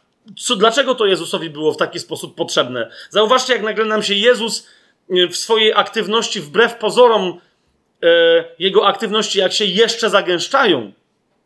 Bo jak żeśmy w innych Ewangeliach mieli, że on wysłał dwunastu przed sobą po dwóch, no to kapujesz, to jest sześć miejsc. Nawet jak poszli w następne, no to jest sześć razy, ile tam mieli etapów. A nagle w Ewangelii Łukasza dowiadujemy się, że wysłał dwunastu po dwóch przed sobą, i siedemdziesięciu po dwóch przed sobą do wszystkich tych miejsc, do których sam następnie się udał. Rozumiesz? To masz 70 plus 12, masz 82 osoby, tak? To podziel sobie to, ile to jest par, i teraz oni idą z miejsca na miejsce, a Jezus następnie do każdego z tych miejsc, według Ewangelii Łukasza, chce pójść osobiście. I nie tylko chce, ale idzie. Rozumiecie, co się dzieje? Tak, pomijam, że niezły piechur, ale chodzi mi o to, co, z czym, bo, bo, wiecie, bo oni tam przychodzą z uzdrawianiem, z wypędzaniem demonów i zgłoszeniem dobrej nowiny. Z czym jeszcze więc przychodzi Jezus, to ci rozumiesz, bo to ci od razu uświadamia nie tylko intensywność działania Jezusa, ale jego, jego znacznie potężniejszą moc niż tylko te znaki, które pozwolił apostołom i tym uczniom rozesłanym wykonywać. Rozumiesz, bo to też nam mówi o tym, jeżeli my dzisiaj mamy wszystko od Jezusa, o ile większymi my dzisiaj jesteśmy apostołami, jeżeli jesteśmy posłani, tak? Świadkami, misjonarzami, bo my dzisiaj mamy wszystko to, co Jezus, co Jezus miał. Więcej nawet niż ci wtedy przez Jezusa rozesłani. Znaczy, oni też to wszystko mieli, co i my, ale dopiero po dziejach, po zesłaniu Ducha Świętego w dziejach apostolskich, tak? Więc rozumiesz, że Ewangelia Łukasza naprawdę ona też tętni życiem Ducha Świętego, które i informuje nas, jak to życie Ducha Świętego powinno tętnić w nas. I jeszcze dwie rzeczy na, na sam koniec powiem już naprawdę yy, kończymy, ale one są ważne. Gdyby ktoś z Was miał się rozpędzić i jednak przeczytać Ewangelię Łukasza od początku do końca, to zauważcie, z jednej strony Ewangelia Łukasza Łukasz mówi, że chce przedstawić wszystko chronologicznie, ale on jest, wiecie, z jednej strony Grekiem, więc chce przedstawić wszystko chronologicznie, a z drugiej strony jest Żydem z nawrócenia, jest pełen żydowskiego ducha świętego, tak? I konstruuje tę swoją Ewangelię. Dzisiaj moja żona była świadkiem, bo musiałem wersety z tej Ewangelii liczyć na kalkulatorze, bo wiecie, w głowie powyżej tysiąca to mam problemy z dobrym przeliczeniem. Bo się pewne rzeczy po prostu po żydowsku muszą zgadzać u Łukasza. O tym będziemy mówić następnym razem. Ale, ale zwróćcie uwagę, buduje, musi zbudować Łukasz. Musi to być jeden wielki chiazm u Łukasza. Nie ma, nie ma opcji, żeby było inaczej. Rozumiecie? Nie ma opcji. Tylko teraz jest pytanie, w którym miejscu się ten chiazm zaczyna? Czy od pierwszego wersetu, czy dopiero od piątego, czy jeszcze gdzieś dalej? Teraz powiecie, czekaj, czekaj, co to jest chiasm? Pamiętacie, struktura retoryczna żydowska, którą później Grecy też stosowali. Ale dlaczego o tym mówię? Powiem wam teraz jedną rzecz i powinniście przez chwilę nie wyjść ze zdumienia. Więc jak ktoś zechce wyjść ze zdumienia albo się w ogóle nie zdumieć, to halo, obserwuję. Wie. Okay. Wiecie, jak się zaczyna Ewangelia i wiecie, jak się kończy, prawda? To, to, to błagam was, zwróćcie uwagę, że Łukasz nie może bez przyczyny być pod tym względem wstrząsający. Każda Ewangelia zaczyna się od czegoś, od rodowodu Jezusa, Mateusz, i potem Pan Jezus co? Idzie do nieba. Zgadza się? U Marka odgłoszenia na pustyni i potem co? Jezus idzie do nieba i pomaga tym, co chodzą w znakach i w cudach, tak? U Jana, okej. Okay. Ale czy zauważyliście, albo czy zechcecie zauważyć, Że no, nie może w tym być żadnego przypadku, że taki poganin, ale nawrócony, a więc taki z nawrócenia żydziureczek słodki, jak Łukasz, czy może być przypadkiem, że jego Ewangelia zaczyna się w świątyni i kończy się w świątyni? Powiecie, zaraz, zaraz, zaraz, jak, jak to się zaczyna w świątyni? Zauważcie, że się zaczyna wręcz w świętym świętych. Łukasz, otwórzcie Łukasza, pierwszy rozdział. I teraz kapujecie, to nie może być. A jeżeli tak jest, to znaczy, że skoro na początku jest to samo, co na końcu, a na końcu to samo, co na początku, i to czymś tak zaskakującym powiązane, to Łukasz mówi ci: No to przyjacielu, zgadnij, gdzie jest szczyt. A jak będziesz wiedzieć, gdzie jest szczyt, a więc klucz mojego nauczania w tej Ewangelii, to gdzie są jego poszczególne skrzydła. Hmm? Zauważcie, pierwszy rozdział Ewangelii Łukasza e, jest wyraźnie powiedziane i, i to no, zrozumienie tego, jak jest opisany mamy tutaj opisaną Elżbietę i jej męża, za dni Heroda, zobaczcie piąty werset, króla Judei, żył pewien kapłan imieniem Zachariasz, to jest, to jest mąż Elżbiety, która potem urodziła Jana Chrzciciela. Ale zauważcie, gdzie się zaczyna akcja, tak? Spójrzcie, kiedy pełnił służbę kapłańską przed Bogiem w kolejności swojej zmiany, zgodnie ze zwyczajem urzędu kapłańskiego padł na niego los, aby wejść do świątyni Pana i palić kadzidło. A cała rzesza ludzi modliła się na zewnątrz w czasie kadzenia, kadzenia. A więc jesteśmy w świątyni ja już pomijam te wszystkie szczegóły, które mogą pochodzić tylko i wyłącznie od Pawła. E, jak kto trafiał, żeby składać w ramach swojej kadencji, swojej, swojej, swojej straży kapłańskiej, żeby akurat miał zaszczyt, żeby wejść do świętego świętych i palić tam kadzidło, ale czy przed święte świętych, nie do świętego świętych, żeby palić kadzidło. E, a, a, no, nieważne, tak? Ale chodzi o to, że wszystko zaczyna się w świątyni. Tak? I teraz zobaczcie, ewidentnie się zaczyna w świątyni. Tam się pojawia, tam się pojawia yy, anioł i tak dalej. Teraz zobaczcie, jak się kończy cała Ewangelia Łukasza. Nie musiał tego Łukasz tak zrobić, a jednak tak zrobił. Zobaczcie, 24 rozdział, ostatnie dwa wersety. Jezus yy, rozstał się z nimi, został uniesiony w górę do nieba, to jest 51 werset i komentarz Łukasza, a oni oddali mu pokłon i wrócili do Jerozolimy z wielką radością. Uwaga, 53 werset. I byli zawsze w świątyni, chwaląc i błogosławiąc Boga. Amen. Dlaczego to jest istotne? Bo powiedzieć, no okej, okay, no tak sobie skończył, no bo, bo zauważcie, że ten chłop pisze drugą część, a w dziejach apostolskich zaczyna od tego, że oni siedzą w wieczerniku, a nie w świątyni. Rozumiecie o co mi chodzi? Więc czemu tu nie powiedział, że siedzieli codziennie w wieczerniku? Z jakiegoś istotnego powodu, jak ta Ewangelia zaczęła się w świątyni, tak chciał Łukasz na końcu zaznaczyć i pilnym studentom chiazmu biblijnego powiedzieć: Zobacz, celowo na końcu mówię ci coś, co było prawdą. Nie mówię, że nie było, bo oni, wiecie, siedząc codziennie w wieczerniku, też codziennie chodzili do świątyni, jak to później jest opisane w dziejach apostolskich, tak? ale ja sobie na końcu tej Ewangelii nie zaznaczę, że nie zaznaczę wieczernika, ale świątynię. Ta Ewangelia zaczyna się od świątyni i kończy się na świątyni. Zaczyna się w świątyni i kończy się w świątyni. Hmm? Co to znaczy? Sami możecie poodkrywać pewne rzeczy, a jeszcze sobie poodkrywamy następnym, yy, następnym razem. I ostatnia rzecz, którą muszę powiedzieć i kończymy. Z tych dwóch, tak?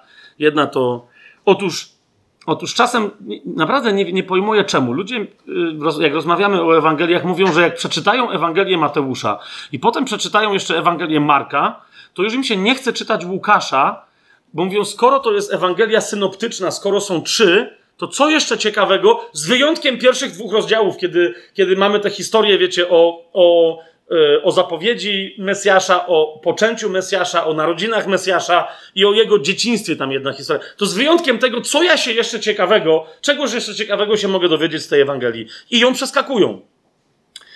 Istnieje takie, wiecie, to, to się wśród niektórych egzegetów, to się nazywa setką synoptyczną. Istnieje takie porównanie, że gdybyśmy założyli, że cały przekaz Ewangelii synoptycznych Mateusza, E, Marka i Łukasza, tak? Wszystkie ich wspólne elementy i wyjątkowe elementy, które się znajdują w tych Ewangeliach. Gdybyśmy założyli, że to wszystko razem stanowi 100%. Czy to jest jasne, o czym mówię, tak? Każdy z wyjątkowych rzeczy, Mateusz, Marek, Łukasz, i wszystkie wspólne dla nich. Gdybyśmy wszystkie, te wszystkie rzeczy pozbierali i założyli, że to jest 100, to teraz uważajcie. Tu mam to zapisane. To wtedy stosunek rzeczy, które znajdujesz wyjątkowych, charakterystycznych tylko dla jednej Ewangelii, w stosunku do wspólnych rzeczy jest następujący. W Ewangelii Marka to jest 7 do 93. A więc z 93 rzeczy, które znajdziesz u innych synoptycznych ewangelistów, Marek sam od siebie dorzuca na, na 93%, Marek dorzuca 7. Czy to jest jasne? Uważajcie. Mateusz 42 do 58. A więc na 58 rzeczy w Ewangelii Mateusza, która, które znajdziesz u Marka i u Łukasza, Mateusz dorzuca swoje prawie 50%, 42. To teraz obczajcie Łukasza. U niego ten stosunek i tylko i wyłącznie u niego jest na korzyść rzeczy wyjątkowych. To jest 59 do 41. Ok? A więc na 100% wszystkich rzeczy, które są w Ewangeliach, jeszcze raz mówię, synoptycznych, tak?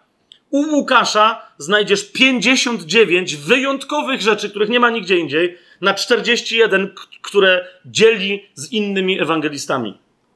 Więc jeżeli ktoś by tutaj też sobie pomyślał, a już znam Mateusza i Marka, do czego mi jest jeszcze Łukasz, to ci mówię do tego, że masz 59%, których nie masz u Mateusza i u Marka.